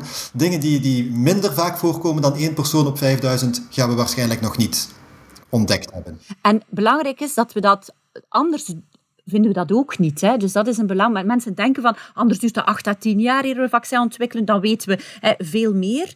Um, we, meten, we weten meer over inderdaad de periode tussen maand 2 en pakweg een jaar. Want het is niet omdat de ontwikkeling 8 à 10 jaar duurt, dat wij mensen 8 à 10 jaar opvolgen. Een studie duurt doorgaans één jaar. Het is gewoon de opeenvolging van studies en alle administratieve stappen enzovoort, die maken dat de totale duur 8 jaar is.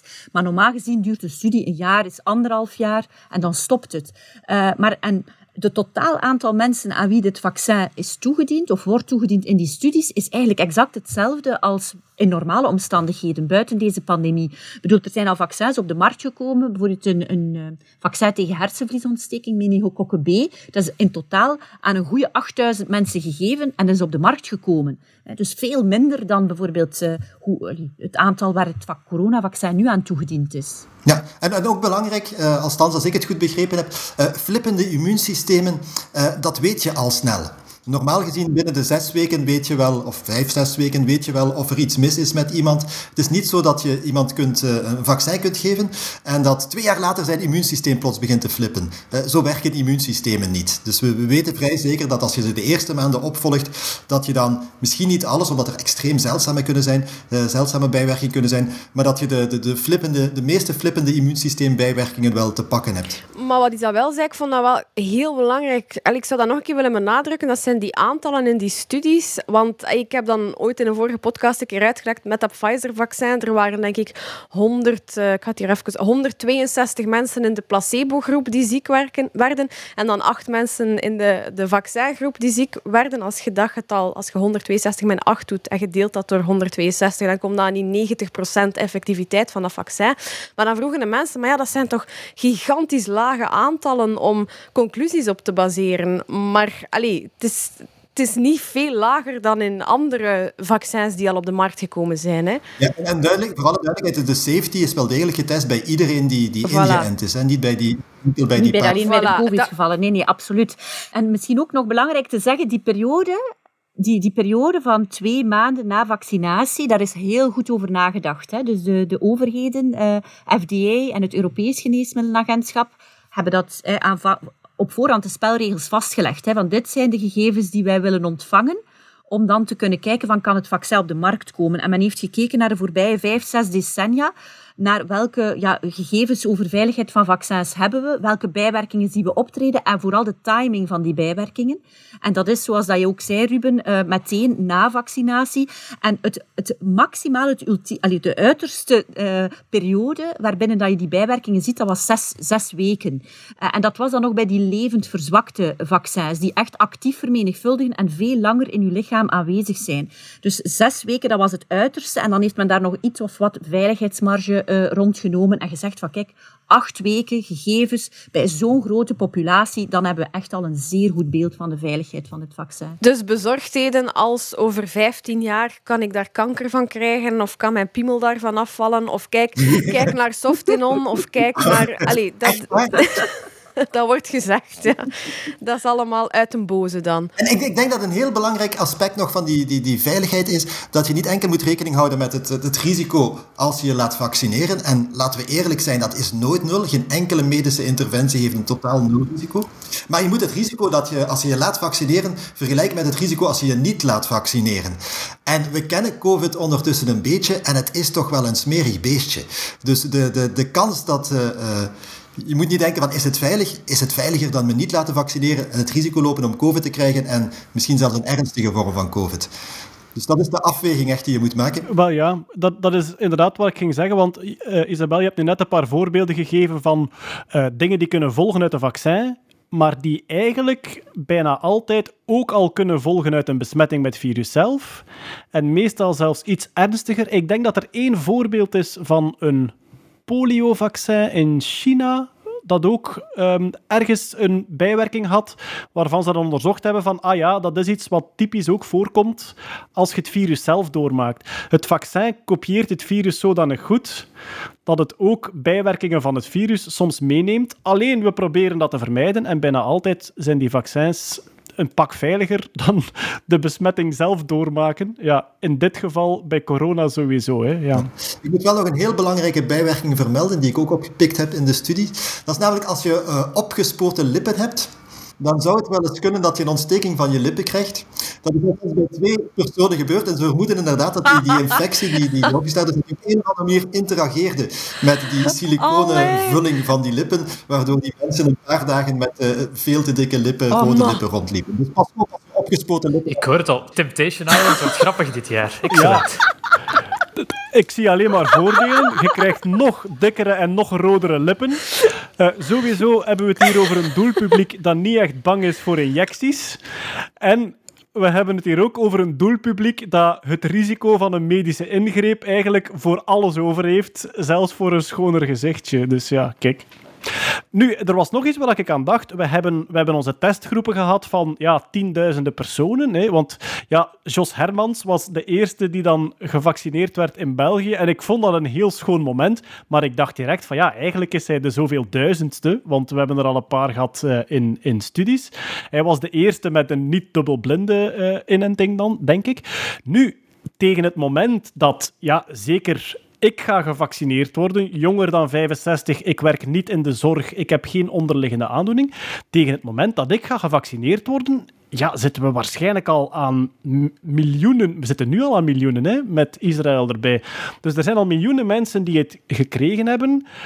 We gaan het wel weten, denk ik, ondertussen. Hè. Binnen de zes weken. Dat wordt ook heel nauw opgevolgd. Hè? Dus je hebt, eh, in, elke, in elk land heb je wel een soort eh, instantie die dat allemaal opvolgt. We gaan nog prospectieve cohortstudies uitvoeren. Dus er zit nog een hele machinerie. De, de fabrikanten zelf moeten een eh, studie natuurlijk nog laten verder lopen en de patiënten ook nog jarenlang opvolgen. Dus er is een hele machinerie om eventuele bijwerkingen in, in kaart te brengen. In Italië hebben ze eh, online een teller die dat optelt als er iemand bijgevaccineerd is. En dat werkt blijkbaar enorm motiverend voor de mensen om die teller omhoog te zien gaan. Dus iets, iets wat gamification moeten wij hier ook toepassen, denk ik. Ja, dat is nudging. Hè. Nudging is een geweldig boeiend aspect van de psychologie, waarin dat je, waarmee dat je door zo min mogelijk invasieve technieken mensen toch motiveert. En een van mijn favorieten is eh, op belastingbrieven, ik denk dat in de UK was, lokale belasting, hebben ze bovenaan, als er een herinnering gestuurd werd, omdat niet betaald werd, hebben ze bovenaan één zin toegevoegd, namelijk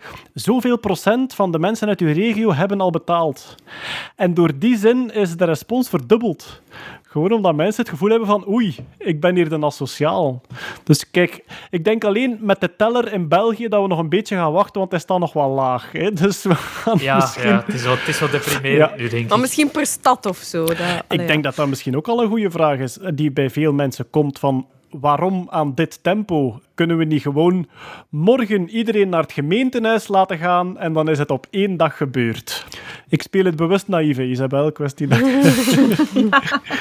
Ja, ik denk, je kunt maar vaccineren als je de vaccins hebt. En dat is een van de ehm, ja, bottlenecks op dit moment. En dan is ook die vraag, en daar wil ik echt aan u vragen, Isabel, die vraag gekomen, kunnen we dan niet van iedereen gewoon eerst dat eerste shot geven en dan, als het ooit binnenkomt, dat tweede shot? Mijn buikgevoel zei, maar nee, het is goedgekeurd en onderzocht met die twee shots. Ehm, moeten we daar nu aan zitten morrelen? Maar daar wil ik echt uw mening een keer over horen. Ik, ik zou zeggen, zolang dat de epidemiologische situatie het toelaat ehm, en is zoals ze nu is, zou ik daar absoluut inderdaad niet aan morrelen.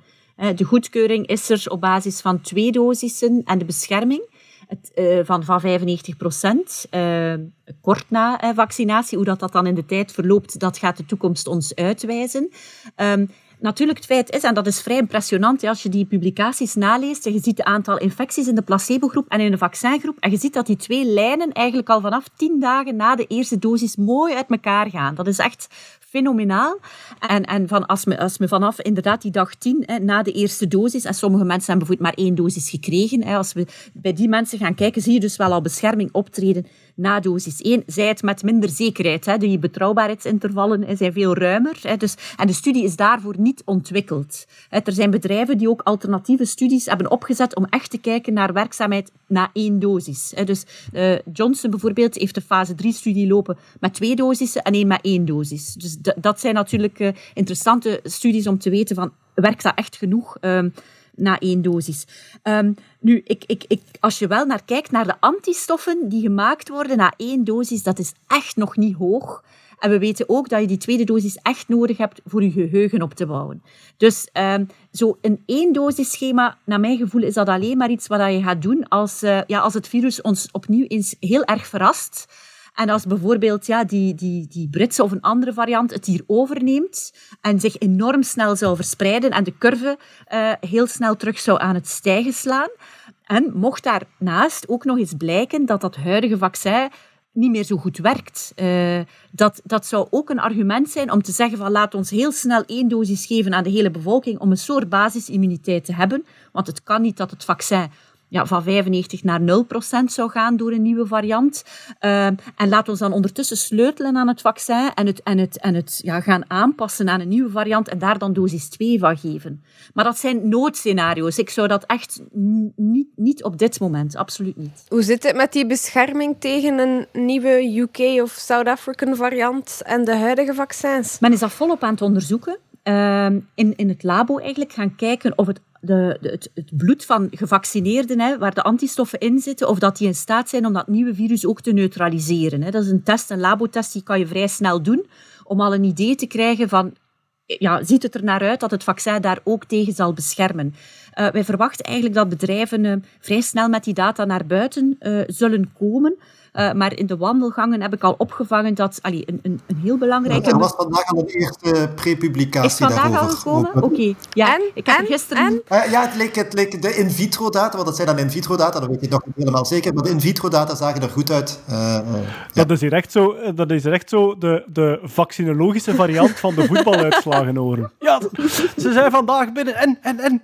Ik heb nog een aanvullende vraag, omdat het over die dosissen gaat. Iemand had de vraag gesteld, kan je te veel vaccin krijgen? Ik denk dat dat iemand is die denkt van uh, één dosis, twee dosissen, geeft mij er maar vier. Kom op. Of ik, ik, of ik wil en het Moderna-vaccin en het Ja, Oxford dat was een AstraZeneca-vaccin. Want dan ben ik safe. Iemand die vroeg, kan ik alle mogelijke vaccins nemen? Kan dan ben alle ik twee misschien nemen? nog Ja. beter beschermd dan met één type vaccin. Dat is een Pokémon van, denk Of ik. is, of, of is kan dat, of is dat zo de metafoor van twee condooms aandoen, dat dat ook eigenlijk een heel slecht idee is? Ja, is ah, vandaar dat ik zoveel kinderen heb. Nee, maar wel de vraag, kun je te veel vaccin nemen? Ehm, ik, ik bedoel, men moet zich houden aan eh, de voorgeschreven eh, ja, dosering. Hè. Eh, er is nu ja, per ongeluk een, eh, in Duitsland, denk ik, eh, iemand eh, die een volledige flacon gekregen heeft. Dus eh, ja, eh, dat was... Vijf keer te veel, eh, zeker? zes, zes en een half keer Zes, te veel is dat. oh. Hè. Er zit eh, vier- wat 2,25 milliliter in een flacon na oplossen en je hebt 0,3 nodig. Dus dat is eigenlijk zeven dosissen. Pas op, zo is, eh, zo is het bij Obelix ook begonnen. Hè? Dus we gaan wel zien hoe die, hoe die persoon evolueert. Maar, maar dus het is niet de, het is niet de Nee. bedoeling. Wordt dat onderzocht? Wel, de- Men heeft die mens opgenomen in het ziekenhuis en geobserveerd en zo. Maar eh, allee, dit is, eh, ik denk dat dat wat meer pijn in de armen en zo en wat meer koorts eh, en, en dergelijke kan, eh, kan veroorzaken. Maar, maar eh, ja, eh, op zich is dat eh, niet levensbedreigend. eh, maar is, het is absoluut niet, eh, niet, het, heeft, het is niet zinvol. Ik bedoel, we hebben een schitterende bescherming met, met twee dosissen van, van, van, van het voorgeschreven hoeveelheid. Wat, wat zou je daar nog meer eh, willen aan toevoegen? En de combo met anderen? Dat is nog niet bestudeerd, eh, maar dat staat op de agenda. Om de, ja, de inwisselbaarheid. eh, want ja, het, het is altijd voor te stellen hè, dat je één dosis krijgt van, van het ene en dat men ondertussen wat uh, naar zich aan het vaccineren slaat en tegen dat je tweede dosis komt, dat men zegt oei, we hebben ons missteld, het is er niet meer. Uh, maar er is wel nog een ander. Uh, dus dat gaat men ook nog bestuderen. Ik zou misschien even terug willen naar die twee dosissen. Gewoon kort. Um, valt dat in... Uh, we zaten daarnet met de eerste ontstekingsreactie en dan daarna de immuniteitsreactie dat het immuunsysteem in gang schiet. Dus de politie ter plaatse en daarna komt de recherche. Wat is de reden van die tweede dosis? Is dat dan de recherche die nog een keer terugkomt en die zegt: Is die hier nu weer? Den dienen moeten we wel beter onthouden dan de rest? Of zit daar iets anders achter? Maar uw, uw tweede reactie um, geeft eigenlijk een, een, verdere toename van uw antistoffen. Dat is, dat is heel belangrijk. Uh, dus u, je krijgt eigenlijk een klein. Ja, een, een stijging naar uw eerste dosis, maar tegen dat je tweede dosis krijgt, is dat eigenlijk al een stukje weer weg, die antistoffen. Dus die tweede dosis is nodig om echt, ja, dan krijg je antistofconcentraties maal 5, maal 10 nog ten opzichte van na de eerste dosis. Dus dat is echt wel uh, beduidend hoger. En je krijgt ook een veel betere activatie van, van die T-cellen en, en van uw B-cellen, dus van die immuuncellen die belangrijk zijn voor uw geheugen. En uw antistoffen gaan ook beter binden en beter het virus her, herkennen. Die ondergaan een soort van rijpingsproces, hè, uh, maturatie noemt men dat. Dus naarmate dat je meer dosissen geeft, wordt dat, ja, de, de mate waarin dat uw antistof goed past op, op, uh, op het virus wordt beter. En die twee dosissen zijn exact hetzelfde qua ingrediënten? Of zit daar iets anders in die Ja. booster, die tweede? Nee. Niets. Ah, nee, exact amai. hetzelfde. Dus dat is puur ons Ja, lichaam ja. Dat, dat, eh, dat dat doet. Dus the- theoretisch gezien is het nog beter om drie doses te krijgen, om vier doses te krijgen, om vijf doses te krijgen, telkens met drie weken tussen of niet. Goh, eh, op een bepaald moment zie je een soort plafonnering, dat dat eigenlijk niet meer nodig is. Wat ik wel verwacht is, als je die mensen verder gaat opvolgen in de tijd, dat die antistoffen die gaan zachtjes dalen, dat is zo. Eh, dat we misschien op een bepaald moment onder een soort ja, kritische drempel komen, die we op vandaag niet kennen, jammer genoeg. Hè. Eh, we hopen dat we die, dat we die gaan kennen. Ehm, maar dat we dan onder een, een kritische waarde komen en dat je gaat zien dat mensen dan toch weer besmet worden. En dat zou dan een moment zijn om, een, eh, om nog eens een extra dosis, een, een zogenaamde boosterdosis, te gaan, eh, te gaan geven. En de, de bescherming, ja, tot nu weten we van maximaal de lengte van de, de vroegste studie. Ik denk zes maanden ondertussen. Maar zijn er projecties over, gaat het een jaar, gaat het tien jaar, gaat het levenslang zijn? Eh, ik denk dat de opvolgingsduur nu nog maar een dag of 90 is ongeveer. Al een drietal maanden. Ja, de Oh, dag, het dag waar? 85 Ah, 80 oké. data heb ik recent gezien. Eh, dus ja, men blijft die groepen verder opvolgen. Hè. En eh, doorbraakinfecties bestuderen bij die groepen zijn ook heel interessant. Hè. Als je toch bij iemand die gevaccineerd is een infectie ziet optreden, is dat interessant om te kijken van hoeveel antistoffen had hij. Eh, is dat iemand die lage responder is, die weinig antistoffen heeft? Of is dat een virusvariant waar tegen het vaccin niet goed werkt? Eh, dus daar, hopen we ook wel eh, interessante gegevens uit te halen. We, we hebben het daarnet al gehad over mutaties en nieuwe varianten die ontstaan. Dat is voor mij eigenlijk een, ehm, een heel grote vraag bij dit nieuwe virus. We hebben voorbeelden van virussen die elk seizoen terugkomen omdat ze muteren. En de griep is de bekendste, maar verkoudheden doen dat ook. Die komen eigenlijk altijd maar opnieuw terug, omdat die erin slagen om te veranderen op een manier die ons immuunsysteem eh, herkent. We kennen ook allemaal virussen die je maar één keer krijgt. Denk de mazelen is er zo eentje, die je liefst krijgt als je jong bent. Want als je die als oudere krijgt, dan is die een, ja, vormt die een gigantisch risico. Levenslange bescherming. Ehm, is, dat hier al, is dat hier al duidelijk? Bij SARS-CoV kunnen we kijken naar andere coronavirussen of SARS of MERS. Hebben we een beetje een notie of dat we dit virus eigenlijk met vaccinatie kunnen uitroeien? Of dat dit een jaarlijkse blijver wordt? Dat is een, een moeilijke vraag. Ja, maar ja, ik Eh, verwacht ook geen duidelijk nee, nee. antwoord. Het is er nog maar een jaar. Ja. Ja, absoluut. We weten van andere, en we hebben dus eh, eh, andere coronavirussen, eh banalere, hè, verkoudheidsvirussen, dat de immuniteit daartegen is relatief kortdurend, twee à drie jaar. Ehm, ja, dus bij de, de MERS en de SARS-CoV-1, als ik me niet vergis, is dat iets langer. Ehm, maar opnieuw is het wel mogelijk dat we met het vaccin betere immuniteit opwekken dan na natuurlijke infectie. Ik bedoel, er zijn voorbeelden. Hè. Bijvoorbeeld HPV, dat is nu een totaal ander virus. Het virus dat baarmoederhalskanker veroorzaakt. Na natuurlijke infectie heb je absoluut geen duurzame bescherming. Je kan opnieuw besmet worden met andere types, met hetzelfde type, want daar zijn heel veel verschillende varianten van. Terwijl het vaccin, dat is geweldig, dat, dat wekt een enorm goede immuunreactie op en dat beschermt je heel lang tegen het ontwikkelen eh, van baarmoederhalskanker en andere vormen van kanker. Eh, dus eh, ja, dat weten we eigenlijk op vandaag niet. We kunnen ons een stukje baseren op wat het virus doet, maar in C zien we wel dat na vaccinatie de, de kwaliteit van onze immuunreactie eigenlijk wel beter is dan na een natuurlijke infectie. We zien meer antistoffen, we zien een sterk eh, eh, allee, een immuungeheugen dat er goed uitziet. Dus ik ben voorzichtig optimistisch over wat de duur betreft. Dat laatste is ook wel goed, omdat er heel veel vragen binnenkomen over ja, maar ja, mensen kunnen een tweede en een derde covid- of corona-infectie krijgen. Is dat bij vaccinatie ook zo? Dus het antwoord is nee. Hè. Het vaccin is beter in het opbouwen van een immuunrespons dan een natuurlijke. Waarschijnlijk. Waarschijnlijk, hè? Ja, Ja, men heeft ja. in de studies gekeken in het begin, die fase 1-studies, omdat men zo niet goed weet van ja, wa- waar streven we eigenlijk naar qua antistofconcentraties. Ja, hoe meer, hoe beter. Maar als een soort benchmark heeft men in de studies uh, een, een, pool gemaakt. Men heeft eigenlijk uh, antistoffen, uh, serum van verschillende patiënten gewoon bijeengegooid. een pool van patiënten die een infectie hebben doorgemaakt. Een beetje variatie van milde en ernstige infecties. En dat heeft men zo wat genomen als benchmark om de immuunreactie na vaccinatie te vergelijken. En dan zag je dat je daar eigenlijk op hetzelfde niveau zit en veel vaccins daar zelf nog een heel stukje boven zitten. En we hebben ondertussen ook wel data uh, die aangeven bij mensen na natuurlijke infectie. Want in het begin was er zo wat paniek van ja, herinfectie of herbesmetting is mogelijk. Maar men heeft toch al wat, wat cohortes patiënten opgevolgd en men ziet dus toch, al tot acht maanden na infectie dat je dat quasi niet ziet voorkomen, die herbesmetting. Dus, en dan weten we dat onze vaccin nog een ja, wat sterkere immuunreactie opwekt. Uh, denk ik niet dat we aan een jaarlijks vaccin gaan zitten. Zeker niet. Ik zat mij deze zomer af te vragen, toen, ja, wanneer krijgen we het vaccin? Deze zomer was dat nog allemaal uh, onzeker. Van, is dat uh, vanaf september, zeiden de grootste optimisten, en anderen zeiden het duurt nog twee jaar.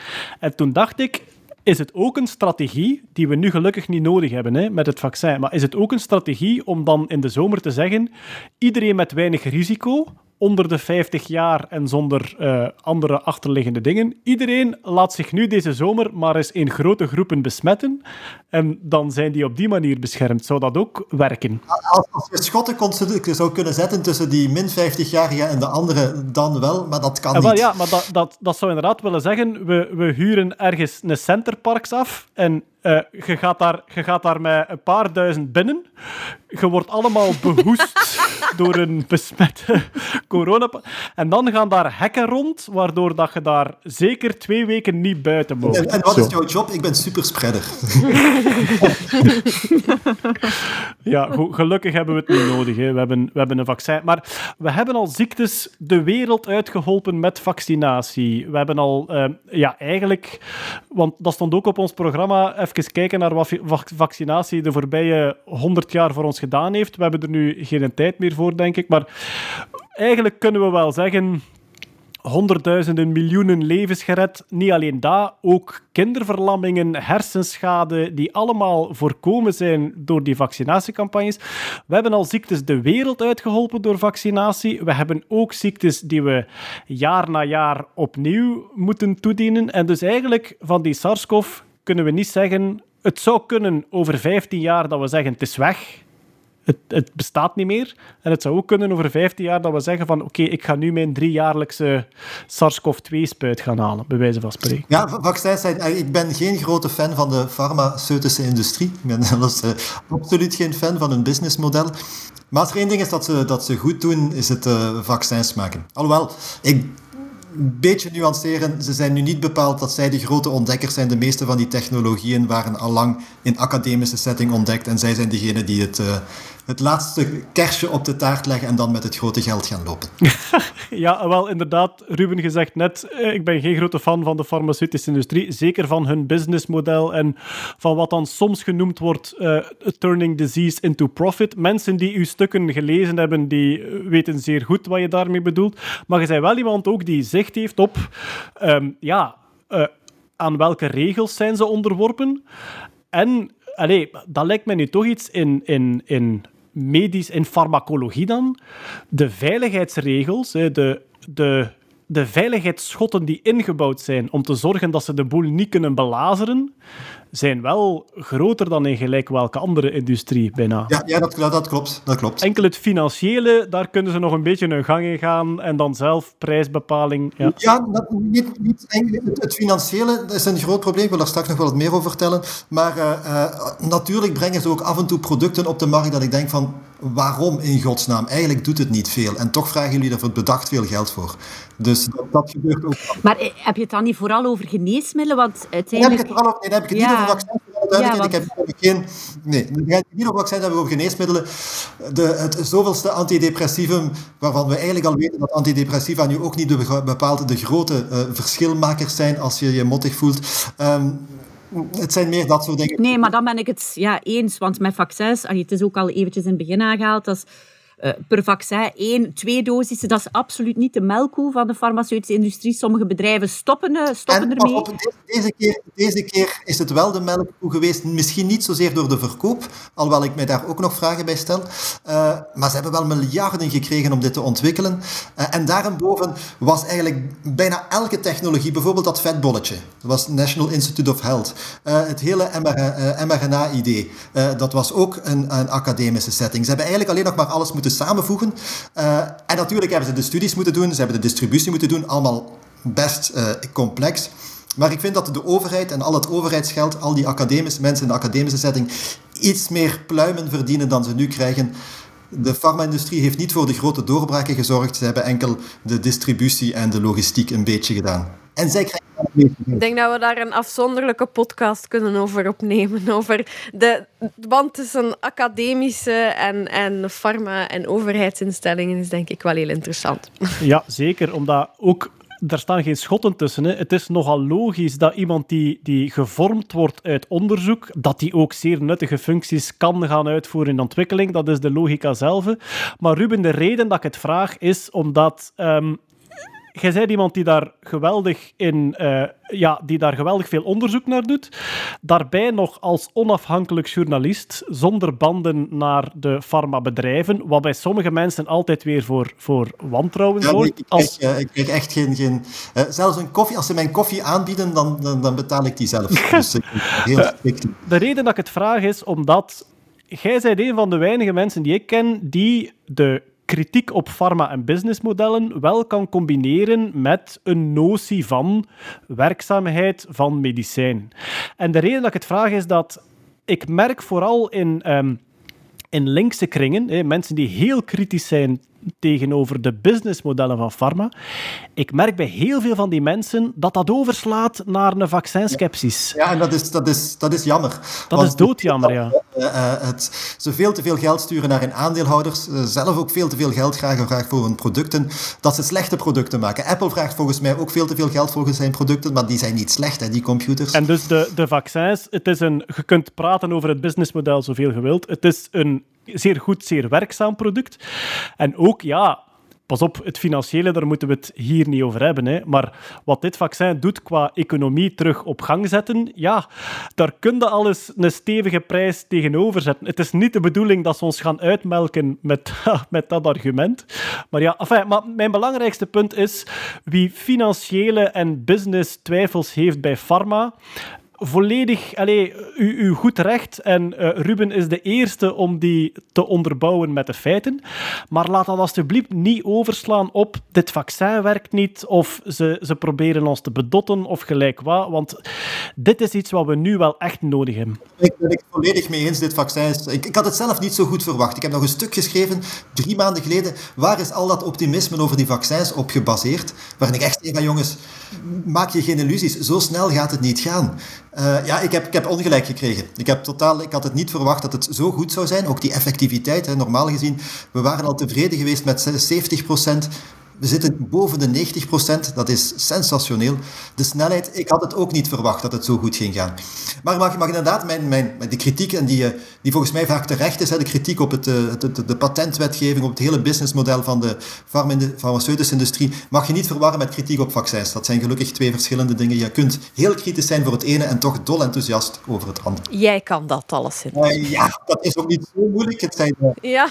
Maar nee, maar dat is het probleem bij veel mensen. En daarom raad ik ook uw boek, waarom iedereen altijd gelijk heeft, aan. Dat is een soort morele klam, noem jij dat zeker? Waarbij als je het ene gelooft, je bijna automatisch ook het andere moet geloven. Maar dat, dat hoeft dus niet. En dat zien we hier ook weer. Ik denk dat dat voor een stuk ook de problematiek stuurt en mee aanstuurt van die, die vaccinskepsis. En dat dat problematisch is. Ja. En, en eigenlijk, als ik, als ik eerlijk ben, vind ik dat de farmaceutische industrie het wantrouwen toch wel grotendeels aan zichzelf te danken heeft. Ze hebben de afgelopen jaren toch ook wel beslissingen genomen die vanuit een aandeelhoudersperspectief zeer slim waren en verstandig, maar vanuit een eh, gezondheidsperspectief nu niet echt enthousiast van kon worden. Dus het is logisch dat mensen hun niet meer vertrouwen.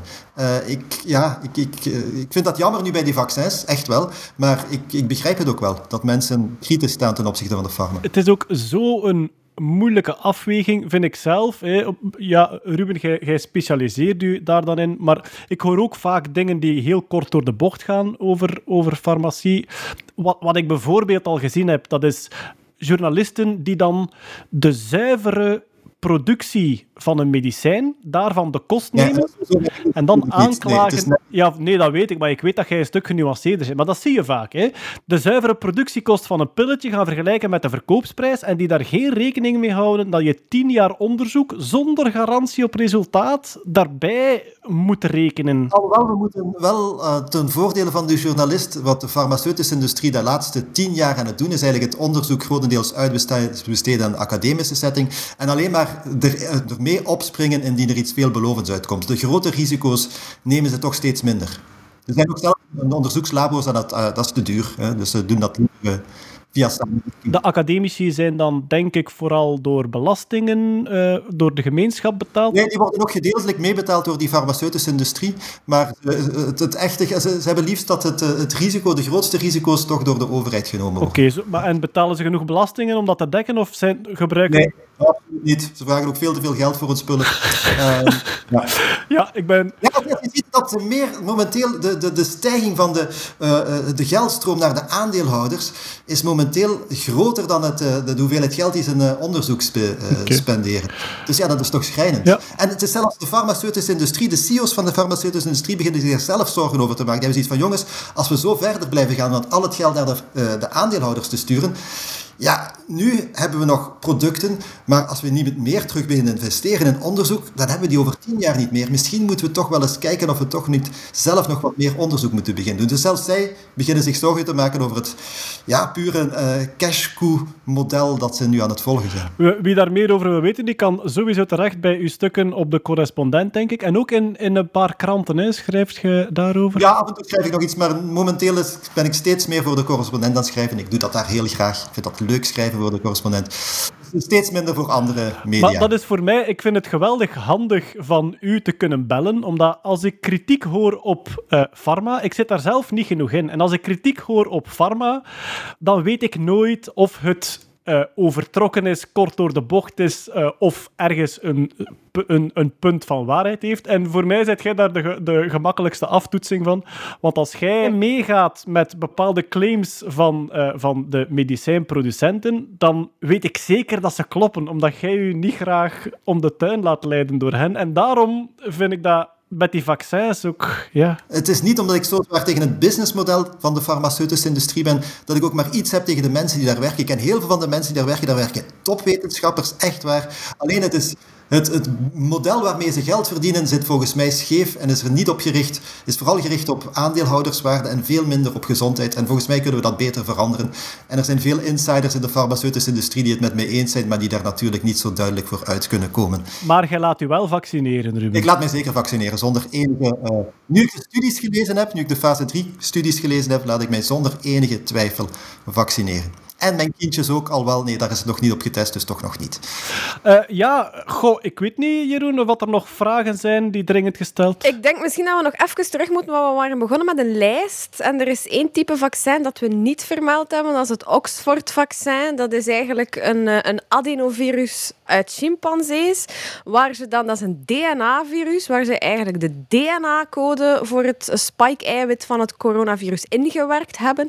En dat laten ze dan dus ook via vaccinatie los op ons lichaam. Maar dat is dus eigenlijk wel een virus. Allee, dat is, dat is dus ook de code die in uw lichaam ingebracht wordt, maar in, verpakt in een viruspartikel en niet in een vetbolletje. Dat wou ik nog even ter volledigheid Daarom dat het minder cool moet bewaard worden, omdat dat minder gemakkelijk uiteenvalt dan. Ja. Ja, en DNA is gewoon stabieler dan RNA door die twee strengen en vandaar de, de frigotemperatuur in plaats van de min 80 temperatuur. Kunnen we dan zeggen dat, eh, dat dit virus geen verzwakt virus is, maar gewoon een soort die in een andere diersoort iets doet, maar in de mens eigenlijk weinig schade aanricht? Ze is zo dan? Ja, ze is ook onschadelijk gemaakt. Dus ze repliceert zich niet meer, eh, of kan zich niet repliceren in menselijke cellen. En ze is dan nog eens genetisch gemodificeerd door daar een ander stuk. Dus ja, dat is een beetje een combinatie van, van een aantal technieken. En alweer iets dat al in ontwikkeling was voor een ander soort vaccin, dat heel snel omgeschakeld is naar eh, eh, SARS-CoV-2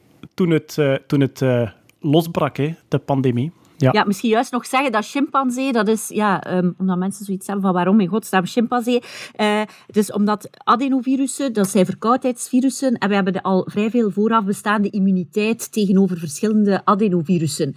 En als je dan een vector gebruikt, want zo noemen we dat, hè, een vector, het is een soort koerier van het stukje DNA, het brengt het in je cel. Als je dus gebruik maakt van een vector waartegen we al vooraf bestaande immuniteit hebben, uh, dan, gaat, dan gaat ons lichaam eigenlijk gewoon ervoor zorgen dat die vector niet onze cel kan binnendringen. Uh, en daarom kies je dus uh, een, een, een, vanuit een andere species, dus een, een apenvirus in dit geval. Het is trouwens al goedgekeurd voor ebola, dacht ik. En ik denk dat er trials voor HIV en Zika onderweg zijn, ook met chimpansee adenovirus. Ja, dat was, dat was nog iets wat ik mij afvroeg. We maken nu een pandemie door. Dat zal waarschijnlijk zelfs niet de laatste van ons leven zijn. Hè. Als ik hier rondkijk, dan gaan wij hopelijk toch allemaal nog genoeg jaren leven om er statistisch gezien uh, nog eentje mee te maken. Wat naar de volgende. Ja. ja. Nu, goed. Laat ons eerlijk zijn, in, in, in de SARS-familie is het nummer drie, hè, na, na SARS en MERS, en ik mis er misschien ook. Wij hebben, want ik, ik heb mij soms die bedenking gemaakt, zijn we niet in slaap gewicht omdat SARS en MERS gecontroleerd gebleven zijn. Dat was, dat was mijn eerste idee als het in Wuhan misliep. Dacht ik echt van, ja, maar dat hebben we al gezien met SARS en MERS. We trekken daar een schoon lijntje rond en, en, dat, en dat komt niet verder. Ja, en nu het over ebola gaat, is dat eentje die riskant is of die gewoon gemakkelijker samen te houden. Ik ja, denk... ik weet niet of je de documentaire Virus Hunters van David Quammen gezien hebt. Ik heb ook onlangs zijn boek Zoonose gelezen. Dat is absoluut een aanrader, hoe virussen en bacteriën ook overspringen van dieren naar mensen. Maar daar zegt hij, het, het, is, bij, het is eigenlijk één vliegtuig uh, rit. Nee, dat is geen rit, gewoon vlucht. één vliegtuig vlucht verwijderd geweest van ebola op, op het Europese continent. Echt, ja? In een, ja, ja, ja. In... Het voordeel dat je het niet asymptomatisch kunt ja, doormaken. Voilà. Ja, dat is het. Ja. Dus dat, dat... Je hebt echt fysiek, fysiek contact ook nodig. Hè? Je hebt echt contact met een lichaam nodig. Hè? Dus het is toch iets moeilijker over te dragen. Ja, een, een lockdown zou veel efficiënter zijn voor ebola dan veel, voor... Veel makkelijker, hè? want je kunt, uh, corona. het is enkel als je het echt in contact hebt met die lichaamstappen dat het uh, dat je besmet Bij ebola is het basically stop met aan elkaar te likken, alsjeblieft. Nee, nee, dat zijn, zijn mensen die dode lichamen uh, alleen verzorgen nog en wassen nog. En de mensen die eigenlijk familieleden gewassen hadden, die kregen het dan zelf ook. En dat is gewoon dramatisch, ook in die level 1, level 2 landen. Hè. Um... Je gaat dan wel uh, Trump-supporters krijgen die gewoon door hun grondrecht aan elkaar willen likken. Ik lik aan wie ik wil, met grote borden door Washington ontlopen. Maar ik denk wat ik ook geleerd heb uit zoonose, dat is AIDS, HIV-virus. Dat is al een keer of denk ik 11, 12 overgesprongen van apen naar mensen. Maar het is echt alleen die laatste die 35 miljoen doden op zijn geweten heeft. Dus het gebeurt zeer, zeer regelmatig. En het hangt van uw, ja, van uw virus af, van uw eigen genetica, van een aantal omgevingsfactoren. Of, of dat het een pandemie wordt of niet. Maar ik denk, we zijn niet aan ons proefstuk toe en ook niet aan onze laatste toe. En ik vond dat een fantastisch Maar boek. laten we dan hopen dat als er nog een pandemie komt, dat je zodra je besmet wordt, onmiddellijk paars wordt met gele bollen. Dan weet iedereen, ah, dat is er ene. En dan is het veel makkelijker om uh, social distancing te doen. En dan gaan we veel, uh, maar dat is iets wat ik er vaak bij zeg. Als, als mensen denken dat dit iets uniek is in de geschiedenis, zeg ik er vaak bij, het is de eerste in onze huidige zorgstaat. Um, het zou zelfs kunnen, aangezien dat hij zoveel vooral oudere mensen treft, het zou zelfs kunnen, en dan kijk ik weer naar Isabel, als deze 400 jaar geleden ontstaan was, dat hij ineens in de geschiedenisboeken had gestaan. Omdat ja, oudere, oudere mensen die sterven aan ademhalingsziektes, ja, daar, daar, daar werd vroeger niet veel spel van gemaakt. Nee, dat is waar. Ja. ja. absoluut. Dus het is de eerste in de huidige zorgstaat, waardoor dat die impact voor het eerst uh, zo groot is. En ja, waardoor dat we ons ook moeten gaan afvragen, wat gaan we doen met de toekomst? Want die ebola inderdaad door een lockdown waarschijnlijk veel beter lokaal te houden. Alleen qua dodelijkheid is dat wel iets immens natuurlijk. Hè? En, en dan zitten we misschien met nog een punt dat ik vaak aanhaal. In de huidige zorgstaat... Uh, natuurlijke selectie, we aanvaarden dat niet meer zomaar. Terwijl vroeger was dat gewoon de standaard. Er is toevallig een nieuw virus waar mensen met deze genetica goed tegen kunnen en die genetica niet. Dus dan is het simpel voor de natuur. Hè. We maken een selectie door en we gaan verder met wie er tegen kan. Ja, zo doen we het gelukkig niet meer momenteel, met als gevolg dat een impact wel immens is voor, uh, voor ons nu. Ja. Goed, Jeroen, waren er nog quickfires voor de minuten die we nog hebben? Korte antwoorden. Hè. Eh, ik ben zwanger. Laat ik me vaccineren of niet? Proficiat, Jeroen. Eh, eh, ik zou zeggen nee, want nog niet getest op zwangere vrouwen. Tenzij dat je verpleegkundige bent of arts of een groot risico hebt, dan wordt het op individueel niveau bekeken in samenspraak met je behandelende arts. Maar in principe niet. Want er is, wel al, er is wel al onderzoek naar besmetting bij zwangere vrouwen met coronavirus zelf, omdat dat gewoon gebeurd is, uiteraard. Statistisch eh, was dat niet te vermijden. En ik denk dat dat meeviel, de- denk ik, hè, qua risico's. De publicaties spreken elkaar een beetje tegen, maar eh, men neemt aan, en we weten bijvoorbeeld van griep, dat de griepinfectie bij een zwangere vrouw zeker op het einde van de zwangerschap een, een belangrijke risicofactor is, op een ernstig verloop, vroeggeboorte en zo. En er zijn toch wel wat studies die ook aangeven dat dat voor eh, coronavirus ook zo is. Eh, dus eh, vandaar. ehm, en ja, het gaat over een totaal nieuw vaccin. Het is nog niet bestudeerd bij, jonge vrouw, allee, bij zwangere vrouwen liever. Dus men is nog een beetje voorzichtig op dit moment. Maar de studies worden volop opgestart om het te bestuderen. Het is dus wel degelijk de bedoeling om, om zwangere vrouwen te gaan vaccineren. Maar als we wat data hebben. Dezelfde vraag voor een hartinfarct. Dat kan geen kwaad. Nee, in tegendeel. Mensen met eh, hart- en vaatziekten hebben een groot risico op een ernstig verloop van COVID-19. Eh, dus moeten zich zeker laten vaccineren. Hoe zit het met de transmissie? Je ziet het, ik ben, ik ben er vaart achter aan het zitten. Hè. Hoe zit het eigenlijk met de, de transmissie van het virus na vaccinatie? Want je bent nog wel besmettelijk. Onbekend. Onbekend. Onbekend. Dus je kunt gevaccineerd zijn en toch nog het virus overdragen aan anderen. Misschien. We weten, we weten het nog niet zo goed, hè, omdat we in die studies eh, hebben we geen wissers afgenomen, hè, neuswissers, bij mensen zonder symptomen. Dus men is dat nu volop ook aan het doen, hè, om mensen die in studie zitten ook te vragen om wissers af te nemen als ze zich goed voelen. Tussentijds, het is een grote onderneming, eh, daar komt heel wat bij kijken, maar het is eigenlijk de enige manier om dat goed te bestuderen. Want dus als je, als je drager bent en het kunt doorgeven, dan wil dat zeggen dat de virussen, zoals we daarnet besproken hebben, binnengaan in je cellen en zichzelf laten kopiëren en terug naar buiten komen. Maar ik dacht dat als dat gebeurde, als dat virus constant je cellen aan het gebruiken was, dat je dan altijd ook ziek werd. Maar dat is dus niet zo. Nee.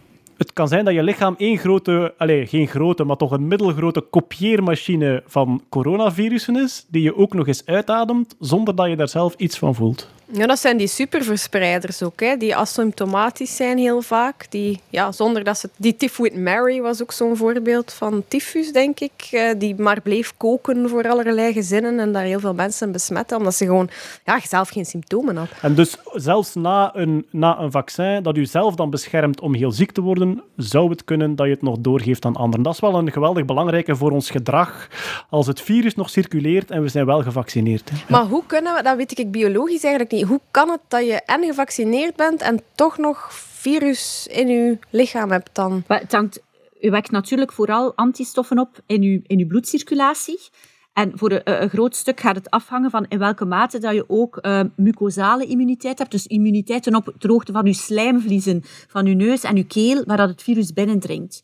Dus de mate waarin dat die antistoffen ook in die weefsels aanwezig kunnen zijn, gaat bepalen of dat ze daar echt kunnen ja, voorkomen dat het virus eh, daar binnendringt. Uh, ja, dus het is mogelijk dat je ja, lokale infectie hebt in de bovenste luchtwegen, dat dat virus daar vermenigvuldigt en weer vrijgezet wordt, zonder dat dat echt in je systeem komt. Uh, dus of, of als het in je systeem komt, zijn het uw antistoffen die neutraliseren en vermijden dat je echt zware ziekte doet of dat naar je longen gaat, maar dat het daar lokaal in de bovenste luchtwegen wel nog zijn gang kan, gaan. Maar er zit virus in uw neus, er zitten antistoffen in uw bloed, maar, maar door te niezen kan je alsnog... Ah, ja, ja, ja. Oké. Okay. Dus ja. de inbreker... Ja, nee. ik ga mij verliezen. Nee. Ja, jawel, jawel. In de veranda. Ik, heb, ik, wil er, ik wil er graag aan beginnen, omdat ik nu al voel dat ik ga vastlopen. Um, dus de inbreker, inderdaad, de veranda is een goeie. De inbreker is binnen in de veranda. Hij geraakt niet tot in de slaapkamer, hij kan niets stelen, maar in die veranda slaagt hij er wel in om extra inbrekers te maken die terug langs de veranda naar buiten gaan en die binnendringen in de huizen er rond die nog en niet die beveiligd wel naar de slaapkamer kan dan. Ja. Ik, ik denk dat we een striptekenaar nodig hebben die onze, onze metaforen herwerkt tot postmoderne kunstwerken. Uh, Jeroen, we hebben nog drie minuten voor quickfires. Okay, uh, jonge kinderen vaccineren. Ik denk dat het antwoord daarop is nog niet genoeg data. Ja. Geen eigenlijk, ja. Uh, data. Ja. Uh, tot vanaf 16 zeker bij uh, Pfizer BioNTech. En, en, en, ze zijn gestart ook met studies vanaf ja, 12 tot 17. En er zijn studies in, in de planning vanaf 5 jaar. Of dat het meest nuttige is gezien de kleine kans dat zij besmettelijk zijn en de kleine kans dat zij uh, uh, ziek worden. Het lijkt me in ieder geval, de, de, de, als ik overheid was, dat zijn de vaccins die ik helemaal op het einde misschien nog eens zou zetten. Dat lijkt me zeker niet de meeste uh, nut. Maar dus in de, in de vaccinatiestrategie die nu uitgerold wordt voor de komende tijd, is er een bepaalde leeftijd waaronder er niet zal gevaccineerd worden eigenlijk? Ja, dus het Pfizer-vaccin is goedgekeurd vanaf 16. Maar uh, in ons land heeft men gezegd uh, dat men het vanaf 18 gaat toedienen op dit moment. Oké, okay, en dan sluit ik af met een gemakkelijke vraag. Waarom zouden we jullie vertrouwen? Dacht nog even op twee minuten. Kom op. Nee, daar, heeft, uh, er, heeft, er, stond onlangs een, een Twitter-thread van iemand die dat probeerde te bespreken. En eigenlijk zit er dan een beetje met... Goh, hoe, hoe heet het nu weer? Uh, Bayesiaanse afwegingen. Eigenlijk zitten met... Ja, ik heb ooit iemand dat zien doen met, met klimaatverandering. En dan spreek ik over twintig jaar terug. Die trok gewoon vier kottekes. Dus zo een kwadrant van x en y-as met dan twee lijnen in. En die zei van, kijk, je hebt uh, mogelijkheid A en mogelijkheid B. Namelijk, klimaat is een groot risico, A. Of B, klimaat is een klein risico. En dan horizontaal heb je 1 en 2. Uh, we doen er niets aan, of we doen er van alles aan. En als je zegt, we doen er heel veel aan en achteraf bleek het een klein risico, wat verlies je dan? Ah ja, het feit dat je daarin geïnvesteerd hebt. Als je zegt, we doen niets aan en het bleek een groot risico, wat verlies je dan? Uh, uw, uw welvaartssysteem, uw wereldwijde stabiliteit enzovoort. En dus hij zei, op die manier kun je wel een afweging maken. En hier lijkt het mij nu toch wel... Allez, als ik rond mij kijk, ik ben zelf iemand die heel vaak mensen wantrouwt en heel vaak mij afvraagt, is dat wel waar? Ik vind, een scepticus is iemand die zich heel vaak afvraagt, is dat eigenlijk wel waar? Maar ik wil daaraan toevoegen, een scepticus is daarna ook iemand die rondkijkt en gaat zien van wie ja, wie zegt er dingen die zinnig zijn, wie zegt er tegenstrijdige dingen. En dat is iets wat mij steeds meer ergert. Een deel van de zogezegd sceptische kant ziet een scepticus niet als iemand die zich afvraagt, is dat wel waar? Maar als iemand die heel luid roept, dat is niet waar. Zonder dat hij zijn onderzoek gedaan heeft. En we zijn ook begonnen met de podcast met te zeggen, ik snap mensen die twijfelen, omdat ik zit er middenin. Ik kan bellen naar Ruben ik kan een opzoeking doen over wat is de code van het RNA en klopt dat hier eigenlijk wel? En ik kan vragen aan Hetty, hoe werkt dat eiwitsysteem met die spikes? Ik, ik kan rond mij kijken en ik kan beoordelen of de mensen die mij een antwoord geven, of die betrouwbaar zijn. Ik heb daar een track record van, ik heb die al in andere omstandigheden gezien. Dat heeft niet iedereen. Maar dus, um, als je twijfelt, voor mij geen enkel probleem.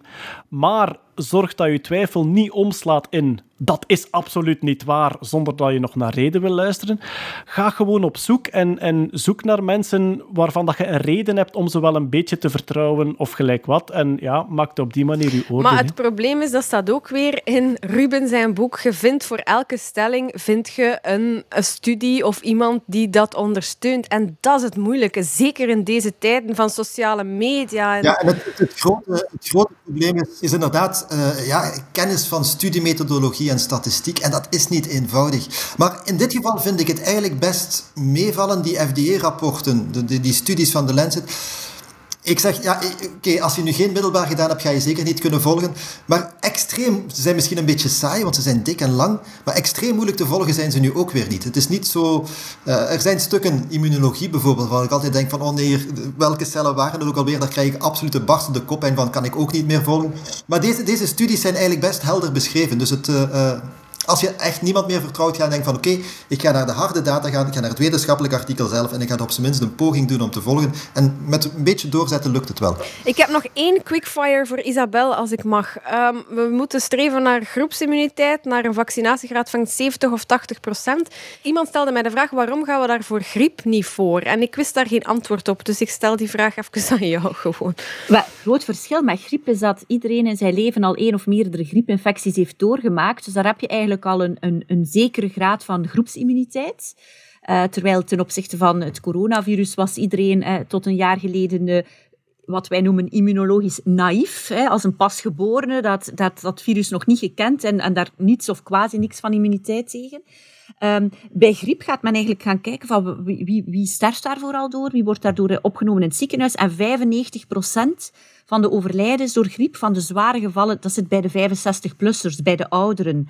En daar zijn dus wel degelijk doelstellingen voor. Op internationaal, op, op Europees niveau zegt men van je moet op, op, op binnen uw land streven naar een vaccinatiegraad van minstens 75, 80 procent van uw 65-plussers Aha. moet gevaccineerd Ja, zijn. daar- Dus die, die richtlijnen zijn er, die ambities, maar ja, niet elk land eh, slaagt daarin om dat te realiseren. En, en het, het griepvaccin is ook wel een heel stuk minder eh, goed dan het, eh, de, de huidige coronavaccins. hè. Dat- Die halen een, een, een bes- beschermingsgraad van 40 à 60 procent, als ik het mij goed Bij herinner. ouderen zeker, Dat, ja. dat is heel wat lager dan 95 procent die we nu bij die eh, Nee, er coronavaccins is zien. absoluut nood aan betere griepvaccins. Ehm, dat is beter, het de bestaande zijn, zijn, zijn veilig en het is beter dan niks doen. Maar eh, ik hoop wel dat nu al die nieuwe technologieën ook een beetje een drive kunnen geven aan veel andere eh, ziektes waartegen we nog geen vaccin hebben of waartegen het vaccin eigenlijk maar eh, ja, halfslachtig is. HIV zou mooi zijn, hè, mocht dat lukken. Dat zou heel mooi zijn. Ja, dat is tot nu toe toch wel eh, absoluut nog niet gelukt. Hè? Die, die, eh, dus- Je hebt er ooit op gewerkt, denk ik, hè, Ruben, op het HIV-vaccin. ik, ik, nee, ik, ik werkte samen met mensen die daarop werkten. Ja, en dat, eh, dat HIV-vaccin is een, toch wel een van de grotere teleurstellingen. Want ze- in de jaren 90, eind jaren 90, waren we allemaal, dachten we allemaal dat gaat er komen. Het duurt nog eventjes, het is moeilijk, maar het gaat er komen. Dat is dus nooit gelukt. Stel, stel dat corona ook zo geweest zou zijn, een virus dat erin slaagt om elke vaccinatiepoging te omzeilen, dan, dan zaten we met een iets groter probleem dan nu. Maar gelukkig, laten we met een positieve noot afsluiten, is dat niet zo. Ja, eh, wel, maar inderdaad, we- we gaan beginnen afronden. Nu, ik hoor van veel virologen ook dat, dat corona veel gaat veranderen voor het onderzoeksgebied. Dat lijkt mij nogal duidelijk, want veel virologen zeiden we wisten dat het statistisch om de zoveel tientallen jaar voorkomt.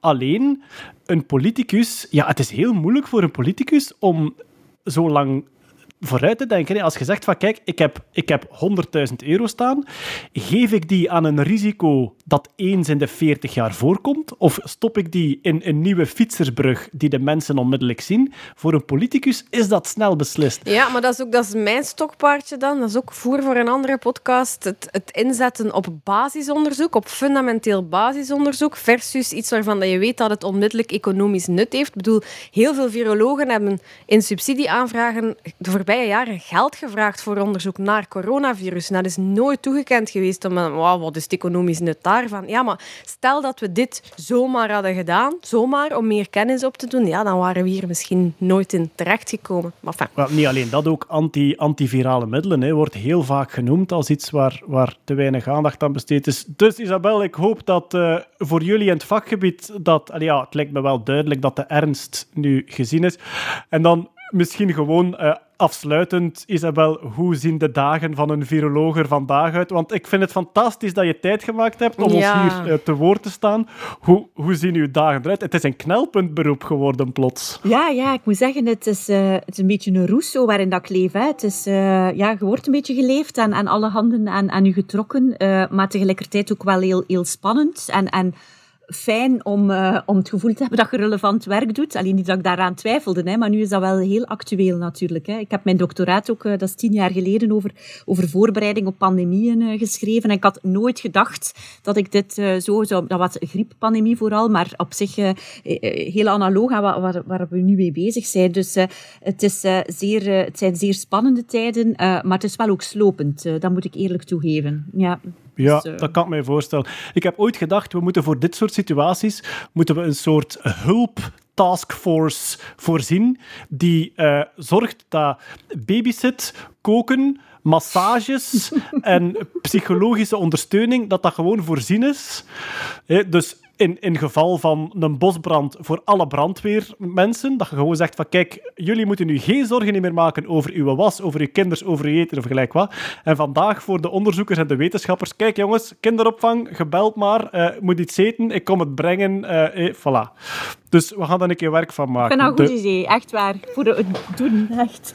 ja, nee, nee. eh, ik, heb me dat, ik heb me dat al vaak afgevraagd. De, de, het maatschappelijk gewin van alles wat nu snel genoeg gaat, is zodanig groot dat ik denk van, zeg, zet uw kinders maar af. Hè. Ik, ik zit toch in roep niet te.